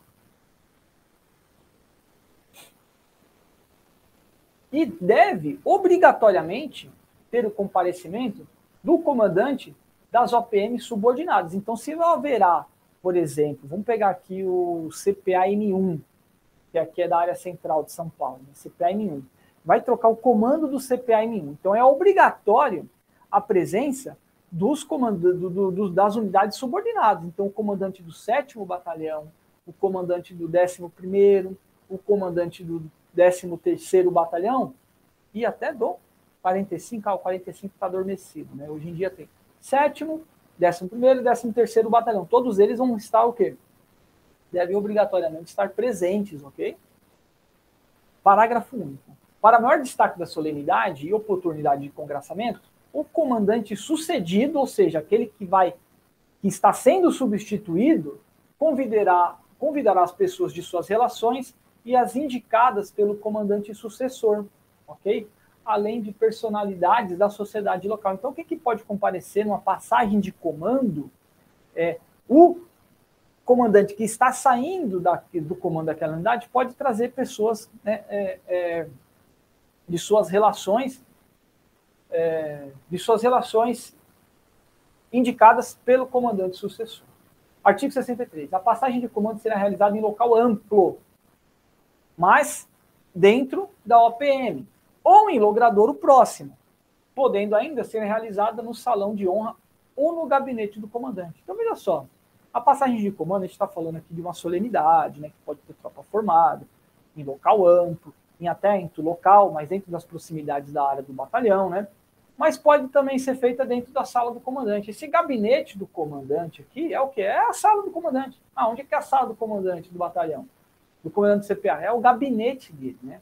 Tendo gabinete. O gabinete do comandante, sala do comandante. Pode ser feita ali, inclusive, de forma mais é, simples, né? Para a passagem do comando geral. Agora vamos falar um outro tipo de passagem de comando, do comandante geral. Do comando da Polícia Militar. Aí é outro papo é outro papo. Passagem do comando geral é outro papo. Tem um capítulo específico, né? Tem, um, tem, tem instrução específica para passagem do comando geral, né?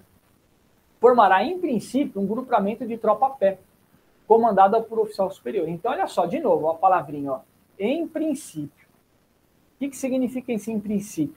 Que não é obrigatório. Que não é obrigatório. Então, se é em princípio, pode ser que não seja assim também. Mas se for, então, com grupamento de tropa a pé, como é que vai ser? Como é que vai ser constituída? Banda de música. Passagem de comando de, uma, de um batalhão, por exemplo, precisa, tem banda de música? Nem sempre, né? Dependendo do batalhão, tem, né? Mas nem sempre tem banda de música. Mas para o comando geral, banda de música. Comando da tropa, constituído pelo comandante corneteiro, porta-símbolo e Estado-Maior. Então, veja só, o comandante da tropa tem que ter um corneteiro ali do lado, hein? Corneteiro e porta-símbolo. O símbolo de quê? Do comandante geral. Bandeira nacional com guarda, então vai entrar a bandeira nacional com sua, com sua guarda, uma subunidade de guarda de honra, subunidade representativas da OPM, da OPM não, né, da Polícia Militar, ok? Estandarte das OPMs, olha só. E parágrafo único. Nos demais escalões, formará no mínimo um pelotão por unidade subordinada, com a bandeira nacional paulista, estandarte e sua guarda ao comando de oficial superior. Artigo 69. A inauguração do retrato do comandante sucedido. Então tem isso também. Na passagem do comando, que é uma solenidade, tem uma solenidade dentro da solenidade, que é uma subsolenidade. É um subevento. É um evento apartado da passagem de comando, mas que tá, compreende a mesma, é, é, o mesmo evento, por assim dizer. Que é o quê? A inauguração do retrato, né? Inauguração do retrato. E a inauguração do, do, do, do retrato de quem? Não é daquele que está assumindo o comando do batalhão, mas é a inauguração do retrato daquele que está sendo sucedido, daquele que vai deixar o comando para o outro que está chegando agora, ok? Na galeria do retrato dos comandantes. Quem nunca foi na, na sala de um comandante do batalhão aqui ou na sala de reuniões que tem lá o quadro, né? De retratos dos comandantes, né? Retrato de comandantes, né? De todos os comandantes que passaram por aquela OPM tem que ser em ambiente reservado e apropriado, devendo ocorrer antes da solenidade de passagem de comando, em intervalo não inferior a 45 minutos previsto para o início do ato formal. Então, essa, esse evento, né, essa inauguração do retrato do comandante, deve acontecer no dia da passagem de comando, né? Se for acontecer, só que tem que ser no, é, em, em, não superior a 45 minutos antes do início. Então tem que ser até 45 minutos antes do início. 15 minutos antes, 4, é, é, meia hora antes, não superior a 45 minutos, ok? E tem que ser no ambiente reservado antes da solenidade, como a gente já informou. Ok? E geralmente acontece lá, esse tipo de solenidade, ou na sala de reuniões, ou no próprio gabinete do comandante, aí não importa, né? Artigo 85. A fim de motivar, reconhecer e incentivar o engajamento dos policiais militares ao trabalho profícuo, né? Cada comandante-chefe ou diretor deverá realizar mensalmente um evento destinado a enaltecer os méritos dos integrantes de sua unidade, contemplando no mínimo. Gente, o que, é isso aqui? Que evento é esse destinado a enaltecer os méritos é, dos integrantes da sua unidade, gente? Do que, que a gente está falando aqui, hein?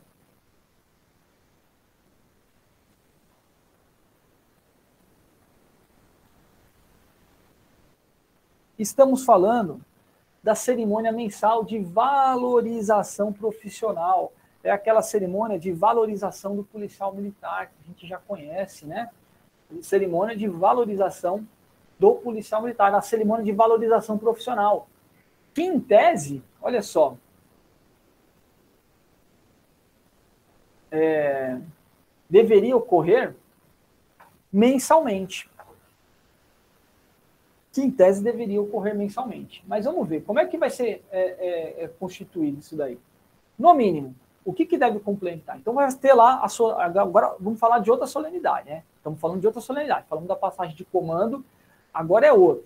Tem a solenidade de aniversário da unidade, que é uma coisa, passagem de comando é outra e valorização do policial militar é outra, que é a solenidade de valorização profissional.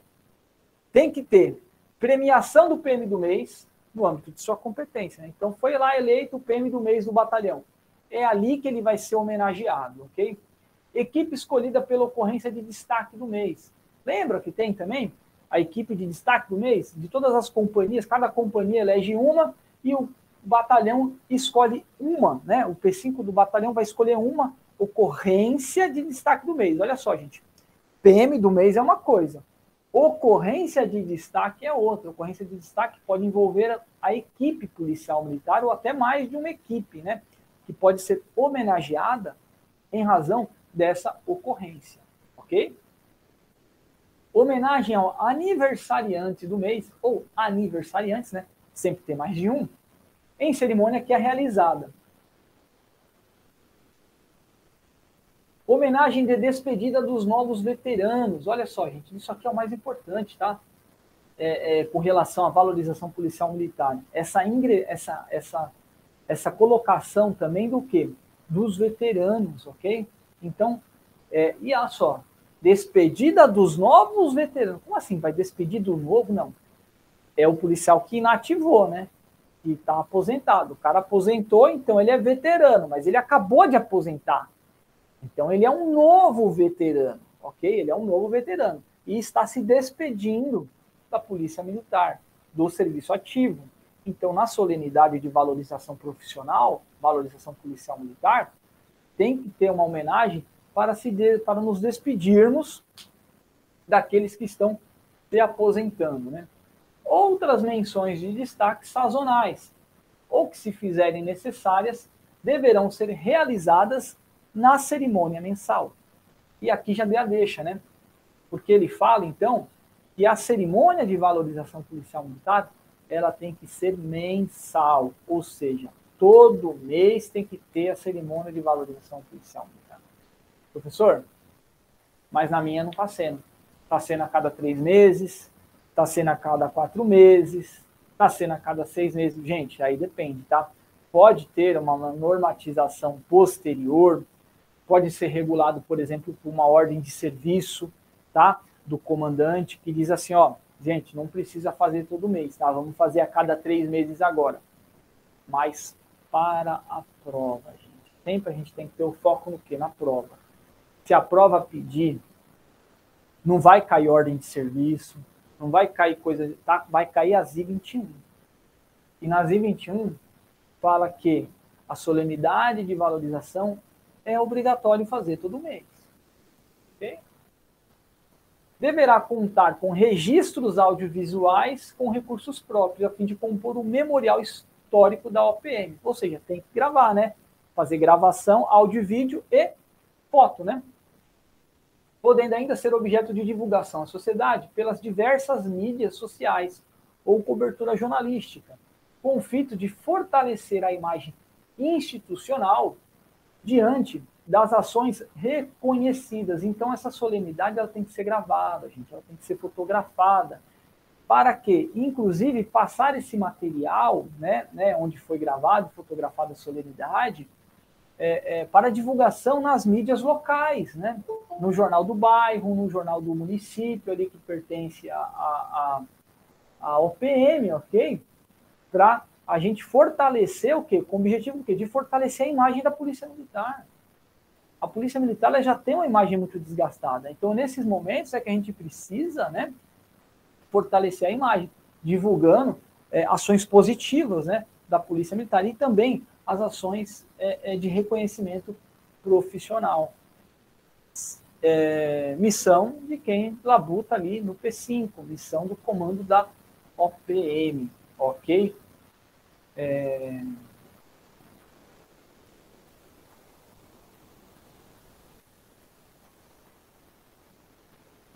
Da homenagem da despedida aos novos veteranos. Então, veja só, essa homenagem de despedidas, que pode ser feita dentro da cerimônia mensal de valorização, mas não obrigatoriamente, você pode fazer uma homenagem de despedida dos novos veteranos fora da solenidade? Pode, ok?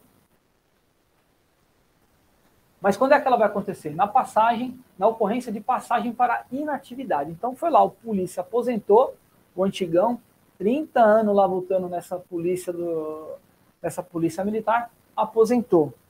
Como é que vai fazer? A homenagem será presidida pelo comandante, que poderá designar um oficial mais antigo que o homenageado para representá-lo. Então, olha só, essa homenagem, né, ela sendo fora, né, Vamos imaginar que ela está sendo, fe sendo feito fora da solenidade de valorização profissional. Porque se ela for dentro, já vai cumprir os aspectos, mas pode ser fora. Se for fora, ela pode ser presidida por um, por um oficial da, da unidade.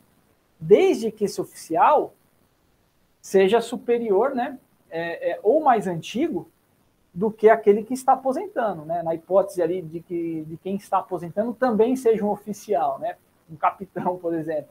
Então, tem que ser presidida por um capitão mais antigo do que aquele que está né, é, se aposentando, ok?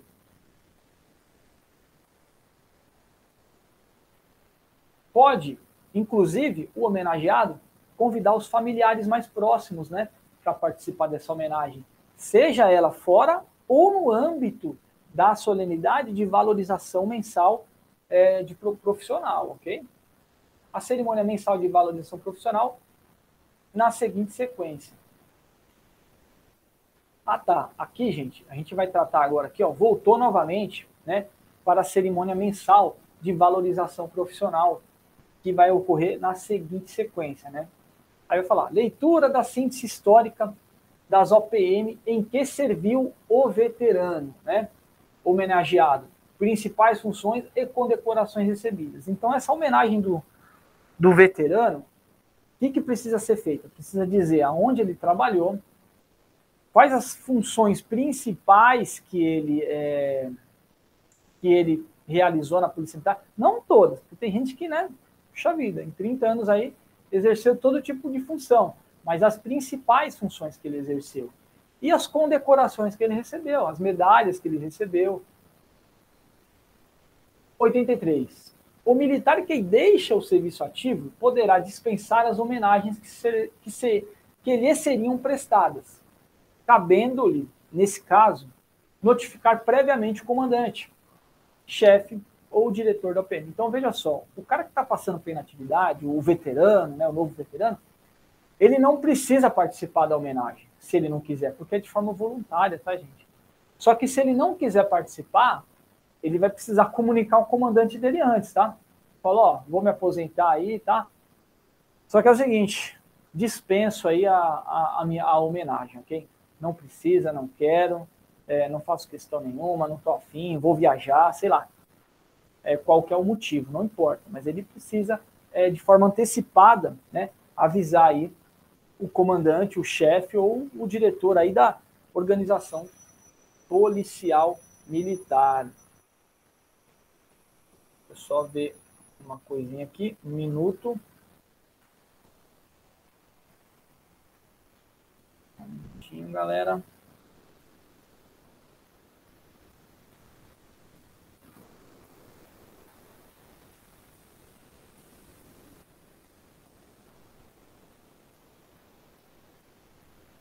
Voltamos, voltamos, voltamos. Agora vamos falar das condecorações, ok? Condecorações.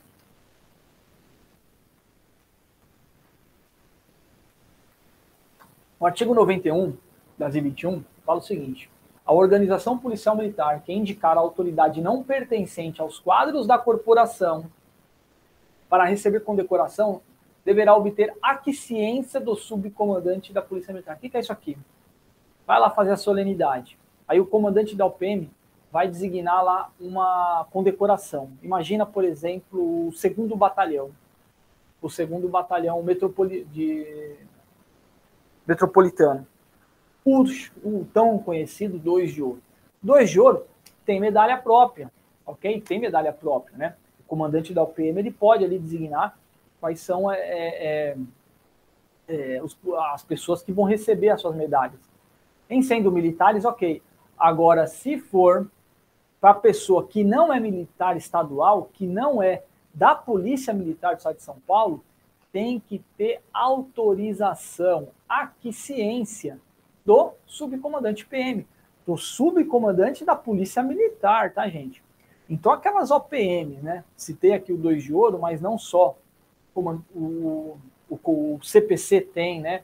A diretoria de finanças também tem. A diretoria de finanças tem uma, tem uma medalha que chama né, o mérito do labor, do labor financeiro.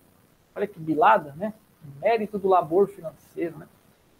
e várias outras é, unidades do bombeiro, é, unidades do choque, tem várias unidades, né? que possuem aí as suas medalhas, né? Medalha cinquentenário, é, é, é, me- medalha centenário da OPM, né? Medalha de mérito, ok? Então essas medalhas elas podem ser é, é, é, distribuídas, né? Sendo condecoradas, né? Por para os policiais militares, mas aqueles que não pertencerem à instituição da Polícia Militar do Estado de São Paulo têm que ter autorização do subcomandante. Ok? Tudo bem. Artigo 94. As seguintes medidas devem ser tomadas nos dias de luto nacional. Mudou totalmente de assunto agora, tá, gente? Vamos falar agora sobre o luto, tá? Ok? Luto nacional e no dia de finados. Muito bem. O que a gente precisa adotar? Medida de luto nacional e dia de finados. Bandeira nacional é mantida meio mastro. Então, veja só. Dia de luto. O que é dia de luto nacional? O luto nacional é o luto declarado pelo presidente da República, né? Pelo governo federal. Quando o governo federal fala assim, ó, é luto, luto oficial, aí sim, vai ter que ser tomada a medida. Então, as mesmas medidas que a gente toma quando é declarado luto, serão as mesmas medidas que a gente vai tomar no dia de finados. Que dia é de finados? Dia 2 de novembro. Gente, não vamos confundir aqui a medida que a gente vai adotar em dia de finados com aquelas que a gente adota em datas comemorativas, tá? Datas comemorativas, que a gente faz culto à bandeira, meio-dia faz a solenidade, o comandante que astena. Aqui é luto. Luto e dia de finados é uma coisa. Então, em dia de luto e em dia de finados, dia 2 de novembro, dia de finados, dia santo, dia religioso, né? Envolvendo a religião cristã, bandeira nacional é mantida meio mastro. Bandeira nacional é mantida meio mastro. O que é meio mastro? Metade do mastro. Por ocasião do hasteamento, a bandeira nacional é conduzida até o topo do mastro, descendo e seguindo até o meio mastro. Então, dia de finados, dia de luto, a bandeira é hasteada? É hasteada. A bandeira é arriada? É arriada. Mas ela fica meio mastro. E como é que é feito essa, essa, esse ato, né? essa providência formal de hasteamento em dia de luto e em dia de finados? Sobe até em cima e depois volta com ela até meio mastro e ali ela fica, ok? E quando vai arriar? Mesma coisa. Sobe ela até o topo e depois traz ela até embaixo. Entenderam? De novo, para a gente fixar. Dia de luto nacional de finado. Vou hastear a bandeira. Como é que eu faço? Subo ela até o final e deixo ela meio mastro. Hasteou. Chegou no final do dia. Vou arriar. Subo ela até o final e desço ela até o final. Então eu nunca vou levar ela até o meio mastro só. E nunca vou tirar ela do meio mastro para baixo somente. É sempre o quê? Vai até o topo, permanece meio mastro. Depois volta até o topo e arreio ela por final, ok? Tranquilo, né? Os símbolos e as insígnias de comando permanecem também a meio mastro. A gente falou aqui da bandeira nacional, mas isso também vai valer para a bandeira estadual e também vai valer para as insígnias, né? O que é as insígnias? É o estandarte da, da OPM, né? o símbolo da OPM, ok? Tudo a meio mastro. Muito bem. O que mais que vai acontecer? Dia de luto e dia de finados. Banda de música permanece em silêncio. Banda de música não toca música, exceto para a marcação de cadência por tarol e bumbo. O que é tarol? É a caixa, tá, gente? O bumbo a gente sabe o que é. O bum, bum, bum. E o tarol? O tarol é tacaraca, tacaraca, tacaraca, tacaraca. É a caixa, ok? Tranquilidade? Tarol e bumbo. Então, tem banda? Pode até ter banda, ok? Dia de luto, dia de finados. Só que sem toque de música. Não vai tocar é, é, é, a marcha lá para os policiais passar nada disso. Só tarol e bumbo. Muito bem. O corneteiro realiza todos os toques previstos, inclusive a marcha batista. Corneteiro, vida normal para ele, dia de luto e dia de finados, ok? Bandeira nacional transportada por tropa tem como sinal de luto um laço de crepe negro colocado na lança. Então, a bandeira nacional, quando for transportadas na lança, né, na lança que por onde ela é conduzida, vai ter Então, um crepezinho preto, né, marcando ali o dia do luto e o dia do finado, ok? Dia de finados, um crepe negro, tá? Aquele crepe preto na ponta da lança. A tropa não cantará hinos ou canções militares, não tem hino nacional e não tem canção militar, até porque se a banda não pode tocar música, tampouco a tropa pode cantar hino, ok? Coisas lógicas. Não deverá ser executada salva de gala. A guarda de honra e a escolta de honra poderão ser realizadas, porém com as restrições descritas anteriormente. Então vai ter guarda, vai ter escolta de honra, não tem problema, mas não pode ter música, não pode é, é, a banda tocar, não pode cantar o hino. A bandeira nacional pode ser conduzida mais com o crepe negro na lança, todas essas restrições, ok? Bom, a gente falou do luto e falou do finado. Agora a gente vai falar de uma outra espécie de luto, tá, gente? Que é no caso de, de providências a serem adotadas no âmbito de morte de policial militar, ok? Morte de policial militar. Então, quando acontecer a morte de um policial militar, vai precisar ser adotada essa, essas, essas medidas. Mas não é qualquer morte, gente. É morte quando o policial militar estiver em serviço, ou morte decorrente do cumprimento do seu dever, do cumprimento da sua missão constitucional, né? Ou seja, ainda que o policial militar seja de forte, mas se a sua morte foi em decorrência da sua função policial militar, então vai ter que ser adotada essas medidas, né? Que são as medidas de homenagem, né? São as homenagens que a gente vai ter que a unidade que a polícia militar tem que fazer no caso de morte de PM, ok? Mas nunca, mas vamos lembrar, não é porque o cara estava lá, sei lá, uma situação trágica, consertando o telhado dele na casa dele no dia de folga, caiu do telhado, morreu. Teve um infarto lá durante é, assistindo o, o jogo do Corinthians, morreu. Não, não é isso, tá, gente? É morte de PM em serviço ou em razão do cumprimento do dever em serviço em razão do cumprimento do dever, tá? Não pode esquecer. A prova. E esse é um assunto que às vezes é pedido em concurso também interno nosso aqui, tá? Muita atenção, não vamos poder errar, ok?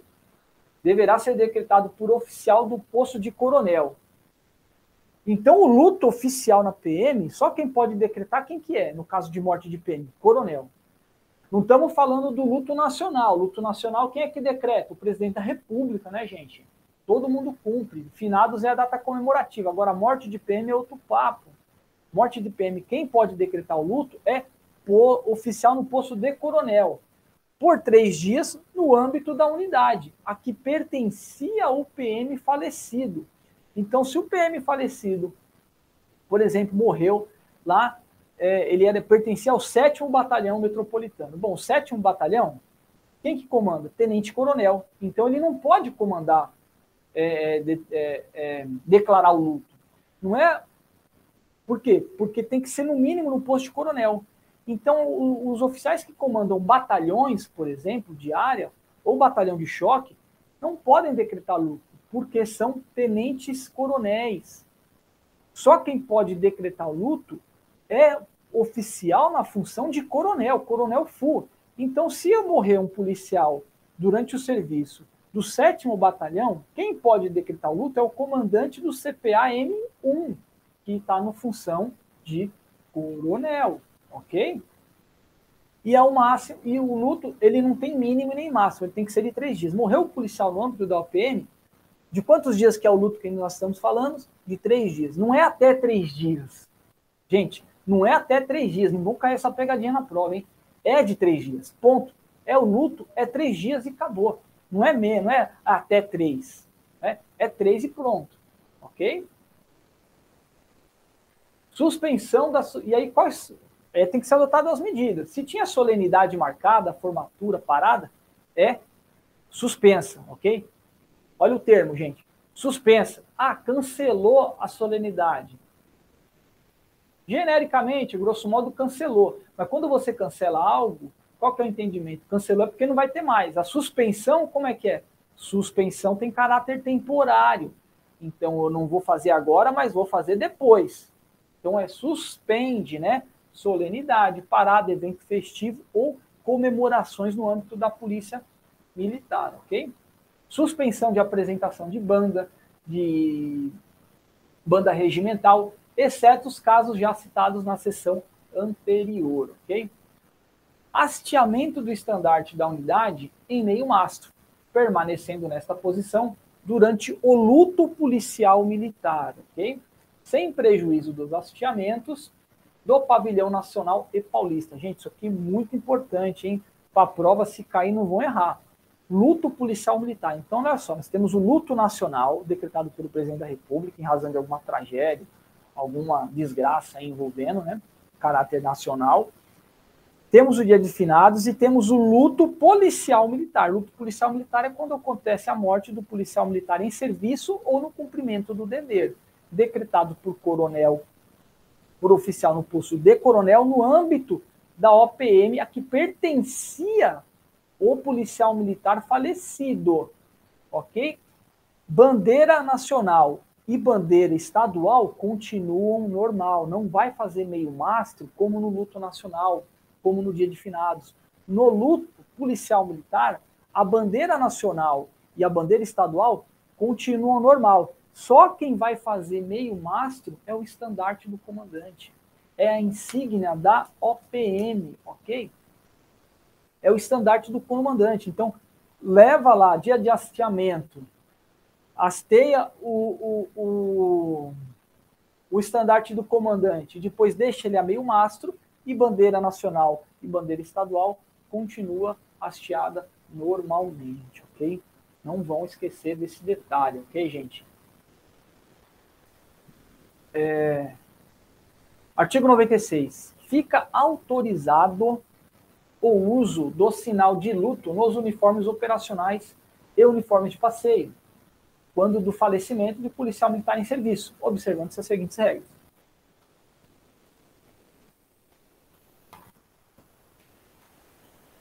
Então veja só, tá lá o luto policial, colega nosso morreu, ok?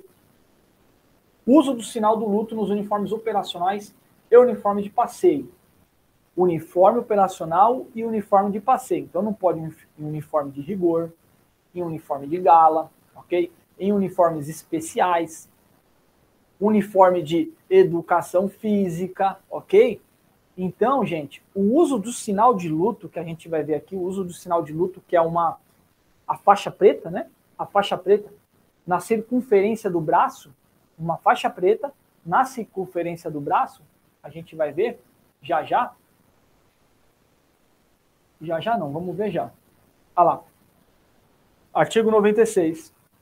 O sinal de luto será constituído de uma faixa de tecido elástico na cor preta medindo 4 centímetros de largura, para ser disposto em toda a circunferência do braço esquerdo do portador, sem sobrepor a logomarca. A logomarca. Então a gente está com, com, com, o uniforme lá, né?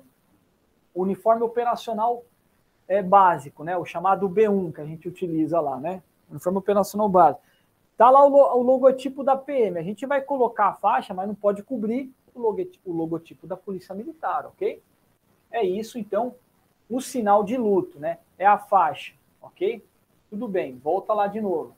Então, o seu uso vai ser em uniforme operacional ou uniforme de passeio. Qual que é o uniforme de passeio? Aquele uniforme lá que usa o sapatinho, aquela calça lá mais, mais bonitinha, com a camisa cinza bandeirante, né? é, com a camisa cinza claro, aliás, a camisa cinza claro, a camisa cinza bandeirante é a camisa do nosso uniforme operacional, uniforme operacional básico, né? E a camisa cinza clara, cap, o casquete, esse daí que é o, que é o uniforme de passeio, ok? E o operacional a gente sabe, pode ser operacional da área do choque, na área do bombeiro, na área do é, é, policiamento ambiental, policiamento de trânsito, ok? E quais as regras? Seu uso será facultativo. Bom, pertenço à unidade do policial militar Sou obrigado a usar o sinal de luto? Não, não é obrigado, é de forma voluntária, ok? E só os policiais militares da OPM é que pertenciam falecido, ok? Não é o uso da, do sinal de luto, não é por qualquer policial, só para os policiais militares da unidade do falecido, ok? E aqueles em representação poderão prestar tal homenagem. Então, assim, qual é a exceção que pode usar o sinal de luto, além dos policiais da unidade? Aqueles que vão em representação, aqueles que comparecem, né? Ao sepultamento do policial militar, né? Ao velório do policial militar, como representando a sua unidade, também podem usar o sinal de luto. Ok? O PM poderá ostentar o sinal de luto desde a comunicação oficial do óbito, ou seja, você pode usar o sinal de luto desde que veio é, é a notícia da morte do policial de forma oficial, ok? Ah, fiquei, pô, né? Uma hipótese aqui trágica que você acompanhou o policial, foi lá no hospital, o médico declarou a morte do policial. Gente, enquanto não tiver sido comunicado oficialmente a morte, não pode usar, ok? Até a data do sepultamento. Então não é até a data do luto. O luto policial militar é três dias. Mas se o policial militar for sepultado antes do término do luto policial, então já não pode mais se utilizar do sinal, ok? De modo a fortalecer o sentimento de companheirismo e de valorização da atividade policial militar. Entender essa questão da faixa? Posso usar a faixa a partir da comunicação oficial do óbito do PM até a data do seu sepultamento. Ah, professor, mas ainda vai ter ali mais um dia ainda, ou dois, de luto. Não importa. O artigo 96, a gente já falou, né, de que forma que é, é essa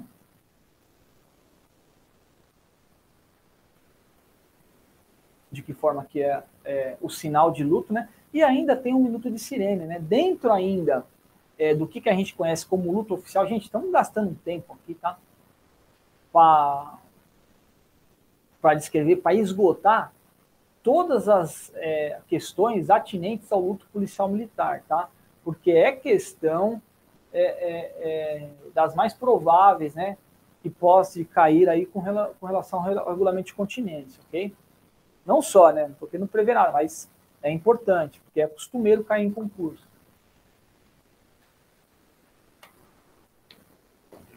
Do minuto de sirene. Então, dentro do luto policial militar, o que mais a gente faz? O minuto de sirene. O que é o minuto de sirene, gente? Parágrafo 1. Concomitantemente ao horário de sepultamento do herói policial militar, quem que é o herói policial militar? O policial militar que faleceu durante o serviço ou no cumprimento do dever. Todos os policiais militares de serviço no patrulhamento motorizado que não estiverem no atendimento de ocorrências deverão estacionar seu veículo, viatura, né? Entende-se por aqui, veículo, viatura, né? Em local seguro e bem visível. E acionar os dispositivos luminosos e sonoros da viatura por um minuto. Então, é aquilo que a gente já sabe. Isso daí provavelmente já todo mundo já está ciente, né?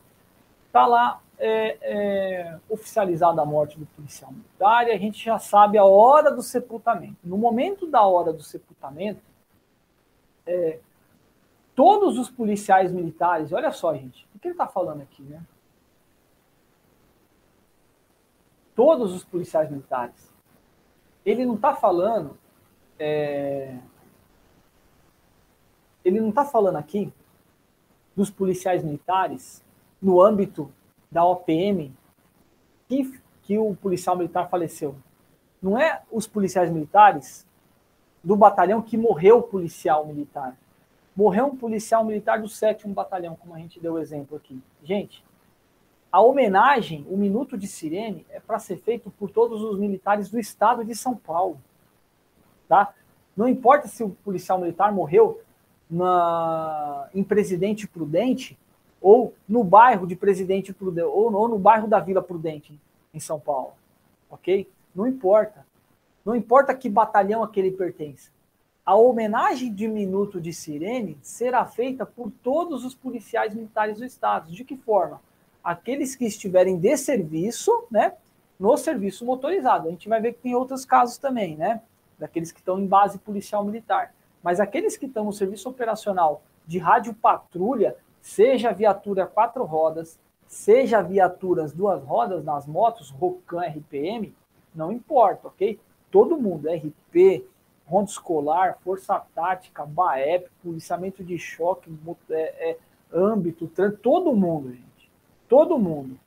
No momento, dos, na hora do sepultamento do policial militar, aqueles que não estiverem em atendimento de ocorrência, claro, estão ali no, né, no QRV, no QRV da viatura, no QRV total, vai estacionar a viatura em local seguro e visível. Tem que ser esses dois, ok? Tem que ser esses dois. Não é se o local for seguro, mas não é bem visível, não, não adianta. Se o lugar é bem visível e não é seguro, também não pode, porque a segurança do policial militar também pode ser comprometida. Então tem que ser um local seguro, em um local bem visível. Estacionou a viatura no local seguro, bem visível. No momento da morte do policial militar, vai acionar sinais luminosos e sirene por um minuto, 60 segundos. Passou os 60 segundos, tem que ser desligado. E como é que vai ter que ser feito isso daí? Os policiais militares vão ter que desembarcar, né? Durante a homenagem, a equipe deverá desembarcar da viatura, permanecer em posição de sentido e prestar a continência. Presta a continência, né? Um minuto depois, desliga é, os sinais sonoros e, e luminosos da viatura, ok? As viaturas que estiverem no serviço de dia das OPMs, bases e postos policiais também deverão prestar homenagem. Então veja só, tá lá em posto policial militar, né? Que não existe mais, né? Agora posto, né? Notícia nova aí para os senhores aí, né? Mas é, é, que agora são bases, né? Os postos policiais agora têm que se tornar ou vir a base comunitária ou são desativados. Mas isso é matéria de outro assunto, tá, gente? Mas ainda consta aqui terminologia antiga aqui, né? nas I-21 PM, né? Então, as bases policiais, base comunitária de segurança, base comunitária de segurança digital, base comunitária móvel, né, que é viatura, né? E o que? Serviço de dia das OPM, serviço de dia do pelotão, serviço de dia da companhia, serviço de dia do batalhão, serviço de dia do CPA. Tem que ir lá pegar a viatura, coloca a viatura e tem que fazer a mesma coisa no horário do sepultamento, um minuto de sirene e o componente lá do serviço de dia, o componente da base policial militar também tem que ir lá ficar do lado da viatura, prestar continência um minuto em homenagem ao policial militar falecido, ok? Um minuto de sirene. Mesma coisa. Um tilt aqui, gente, só um minuto. Aí.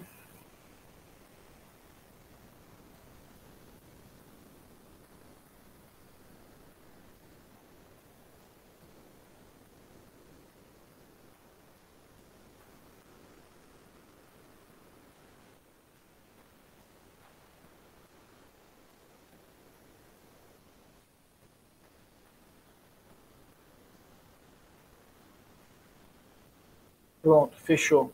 Nenhuma dúvida, né? Tranquilo? Deixa eu ver se tem alguma dúvida aqui. Tá tranquilo. Gente, é, continuando então.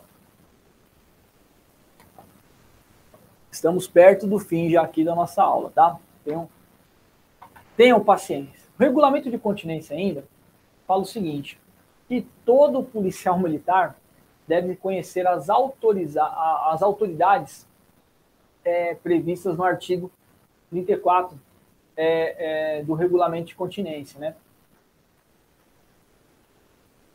Deve conhecer todas as autoridades previstas no artigo 34 do regulamento de continência. Aquela e ainda que fala que todo policial militar é obrigado a conhecer o governador, vice-governador, secretário de Segurança Pública, assim como o subcomandante é, da Polícia Militar.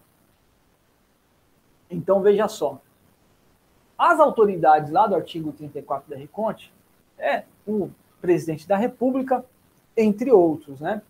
E dentro do regulamento é, nosso de continência e cerimonial militar, as I-21PM, temos né, o vice-governador, secretário de Segurança Pública e como subcomandante da PM. Gente, precisa saber, né? Bom, governador de estado, a gente já sabe, né? Todo mundo tem que saber governador de estado, a gente já sabe. João Agripino da Costa Júnior. Gente, olha só. teve uma questão é, de um concurso da Polícia Militar, salvo engano, do CAO, tá? É, de um ano anterior, que pediu uma questão dessa, veja só, que pediu uma questão dessa, perguntou quem que era, né, é, um, um determinado secretário de segurança, ok? Então, é bom a gente se conhecer o nome completo, inclusive, dos, das autoridades que as I-21 PM determina, que são das autoridades civis, né? que, são os, que são as nossas autoridades é, é, que comandam, que estão aí no comando da Polícia Militar.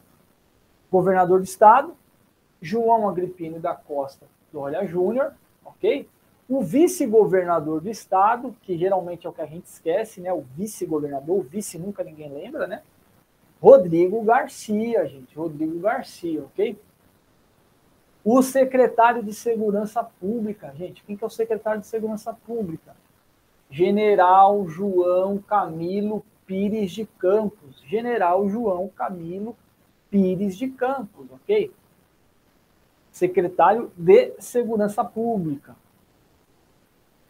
Comandante-geral da PM, aí já fica mais fácil, né? É o Coronel Fernando Alencar Medeiros, o nosso conhecido Coronel Alencar, ok? Coronel Alencar, comandante geral, ok? Pode cair alguma coisa de atualidade aí, ok? Tem que conhecer. E o subcomandante PM, que aí já fica mais difícil também. Tal qual né, o vice-governador, né, o subcomandante PM também são figuras que a gente acaba esquecendo, que é o coronel Marcos Vinícius, ok? Marcos Vinícius Valério, Valério, aliás, né, subcomandante PM, o Mar, coronel Marcos Vinícius Valério. E o comandante-geral Fernando Alencar Medeiros. Eu estou citando aqui textualmente para o senhor, para entrar na cabeça e não esquecer. Chegar na prova conhecendo as autoridades né, que comandam a polícia militar. Ok, gente? Não pode esquecer disso daí, porque é obrigado a conhecer todo policial militar. Artigo 102. A interpretação do artigo 35 do Regulamento de Continências é restritiva devendo estender-se por recintos cobertos. Aqui, ó, vamos mudar de assunto agora, tá, gente? Vamos falar de recinto coberto, né? E por que, que a gente está falando de recinto coberto? Para a gente é, é, é, compreender também essa questão do uso da cobertura, ok? Isso está lá nas prescrições diversas, né? Então, o que é recinto coberto? A gente fala de recinto coberto, é restritivo. Ou seja, não é amplo. Então, o conceito de recinto coberto, o que, que é? Gabinete de trabalho, salas de trabalho, salões sociais, auditório, é, é, é, recinto coberto, refeitório, vestiário, alojamento, cabine de aeronaves civis. O que é aeronaves civis? Avião, um avião. O avião é um recinto coberto e de veículos civis de transporte coletivo não urbano. Isso dá, essa, todas essas regras servem para quê, gente? Para a gente saber quando que vai utilizar a cobertura ou não. Quando que a gente coloca a cobertura na polícia militar? Quando a gente está em recinto aberto. Quando a gente está num local coberto, então a gente retira né, a nossa cobertura, ok? Então a gente vai retirar a cobertura em todos esses locais, né? Gabinete de trabalho, auditório, refeitório, alojamento, salas em geral. Veículos de transporte civis também, desde que seja não urbano. Olha, a pegadinha está aqui, gente. O que, é um veículo de transporte civil, civis coletivos não urbano? São aqueles que fazem viagens longas, né? Trabalho aqui em São Paulo, mas moro em Americana, moro em Ribeirão Preto, moro em São José do Rio Preto, moro em Bauru, em Marília, em Franca. Gente, vou pegar ônibus, né, esses ônibus intermunicipais que fazem é, é, é, é, viagens longas, é esse, esse, nesse sim você pode ficar sem a cobertura.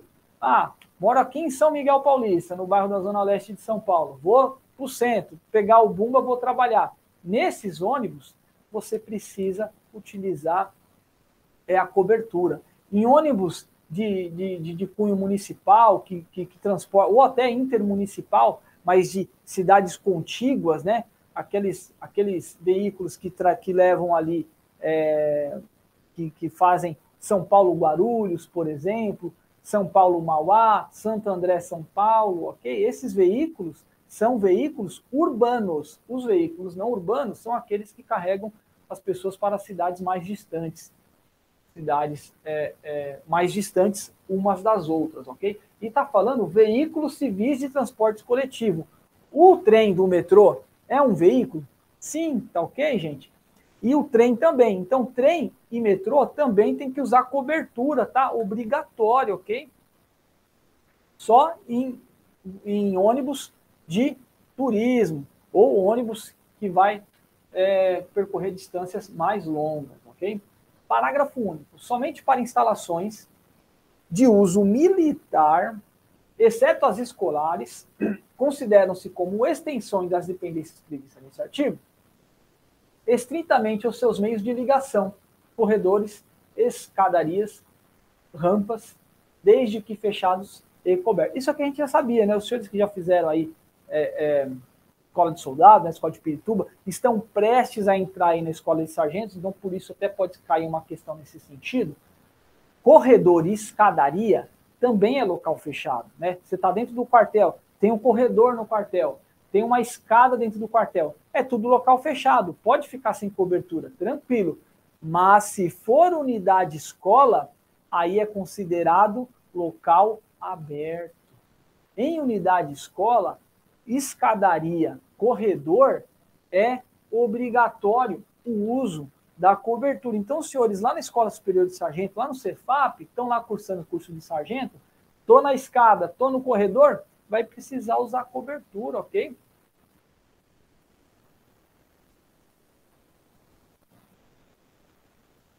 E,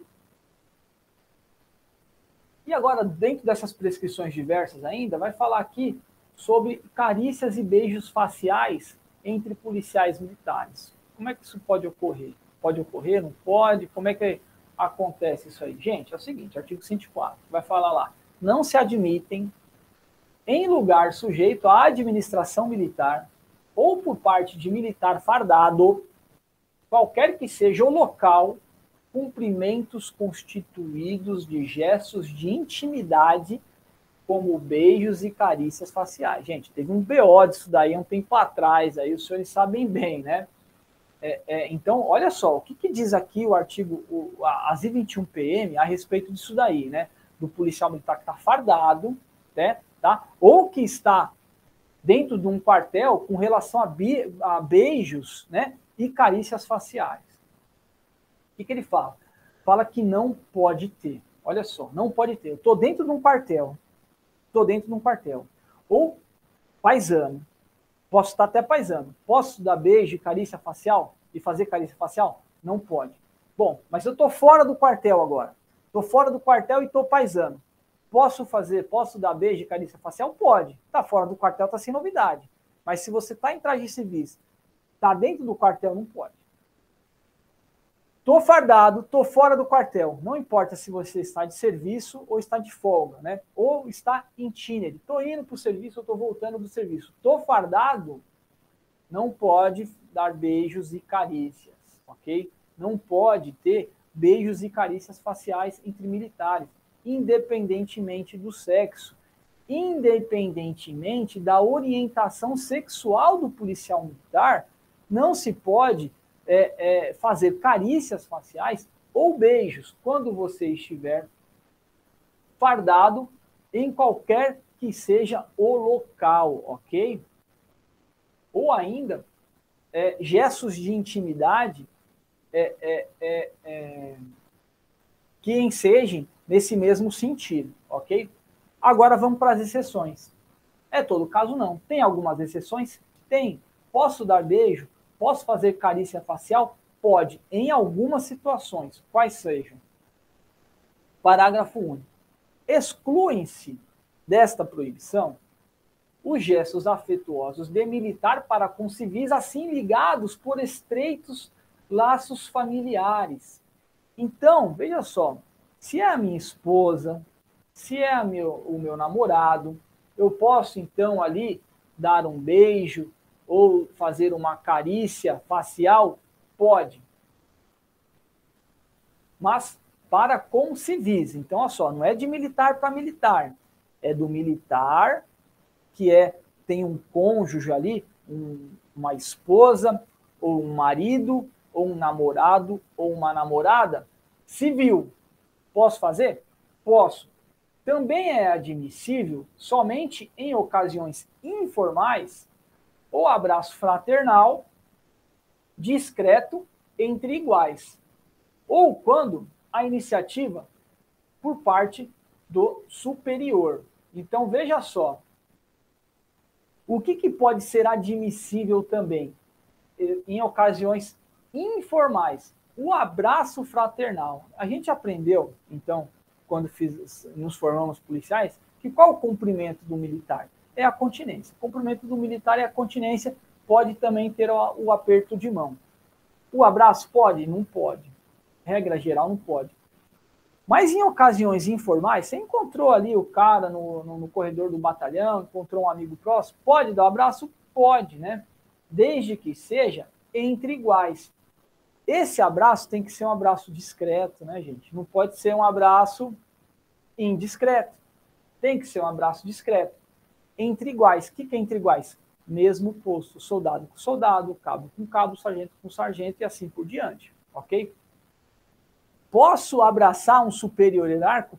Claro que pode também, mas aí vai depender é, é, da aquiescência, da iniciativa do superior. Então, encontrei meu amigo de infância lá na Polícia Militar. Ele é superior hierárquico meu. Ou é meu amigo, né? É policial militar, é superior hierárquico, mas é meu amigo. Posso dar um abraço nele? Pode, desde que ele tenha iniciativa. O abraço fraternal entre policiais militares depende da iniciativa do superior. Quem nunca ouviu aqui né, aquela piada lá, né, que é, é no cumprimento, né, quem estende a mão é o superior, é o mais antigo. Então o superior estende e o inferior balança, né? Já e quem já não ouviu essa piada? É a mesma coisa. O abraço pode dar, mas é iniciativa do superior. E o beijos e as carícias faciais podem ser admitidas, né? é, é... aliás, é, a gente fala de beijo e carícia, né? Na verdade, é, é, é, gestos afetuosos, tá? Um beijo pode ser um gesto afetuoso, gente. Pode ser um gesto afetuoso, mas é aquele beijo discreto, né? Não pode ser algo que extrapole isso daí. Então, é gesto afetuoso. O militar ele pode é, fazer um gesto afetuoso em si, no seu companheiro civis, que tem, né? Sua esposa, seu namorado, seu marido, né? Sua namorada, mas gestos afetuosos, ok? E é isso. Eu acho que os senhores, não tendo mais dúvidas, é o nosso encerramento aqui do nosso da nossa aula. Conseguimos então na aula de hoje, né, falando aqui sobre as I21PM, que é o regulamento de continências, honras, sinais de respeito e cerimonial militar na Polícia Militar. Falamos desde lá de trás, né, falamos da continência, de quem tem é, é, direito né, à continência, falamos de solenidade, solenidade de aniversário do, da UPM, de valorização profissional, de passagem de comando, falamos inclusive a respeito de quem pode ter é, do que aquele policial militar deve obrigatoriamente saber das autoridades, né? Falamos sobre o luto nacional, falamos sobre dia de finados, falamos sobre o luto é, policial militar, falamos sobre data da, é, do hasteamento da bandeira nacional, é, do culto à bandeira nacional, melhor dizendo, dia 19 de novembro, né? Falamos das prescrições diversas agora no final, né, que, que faz aí referência a gestos afetuosos em público, né, ou fardado ou em ambiente militar, dentre outras várias coisas. Espero que tenham gostado. Estudem e até a próxima aula, ok? Muito obrigado, vou ficando por aqui. Tenha uma, ótimo, uma ótima semana. Valeu!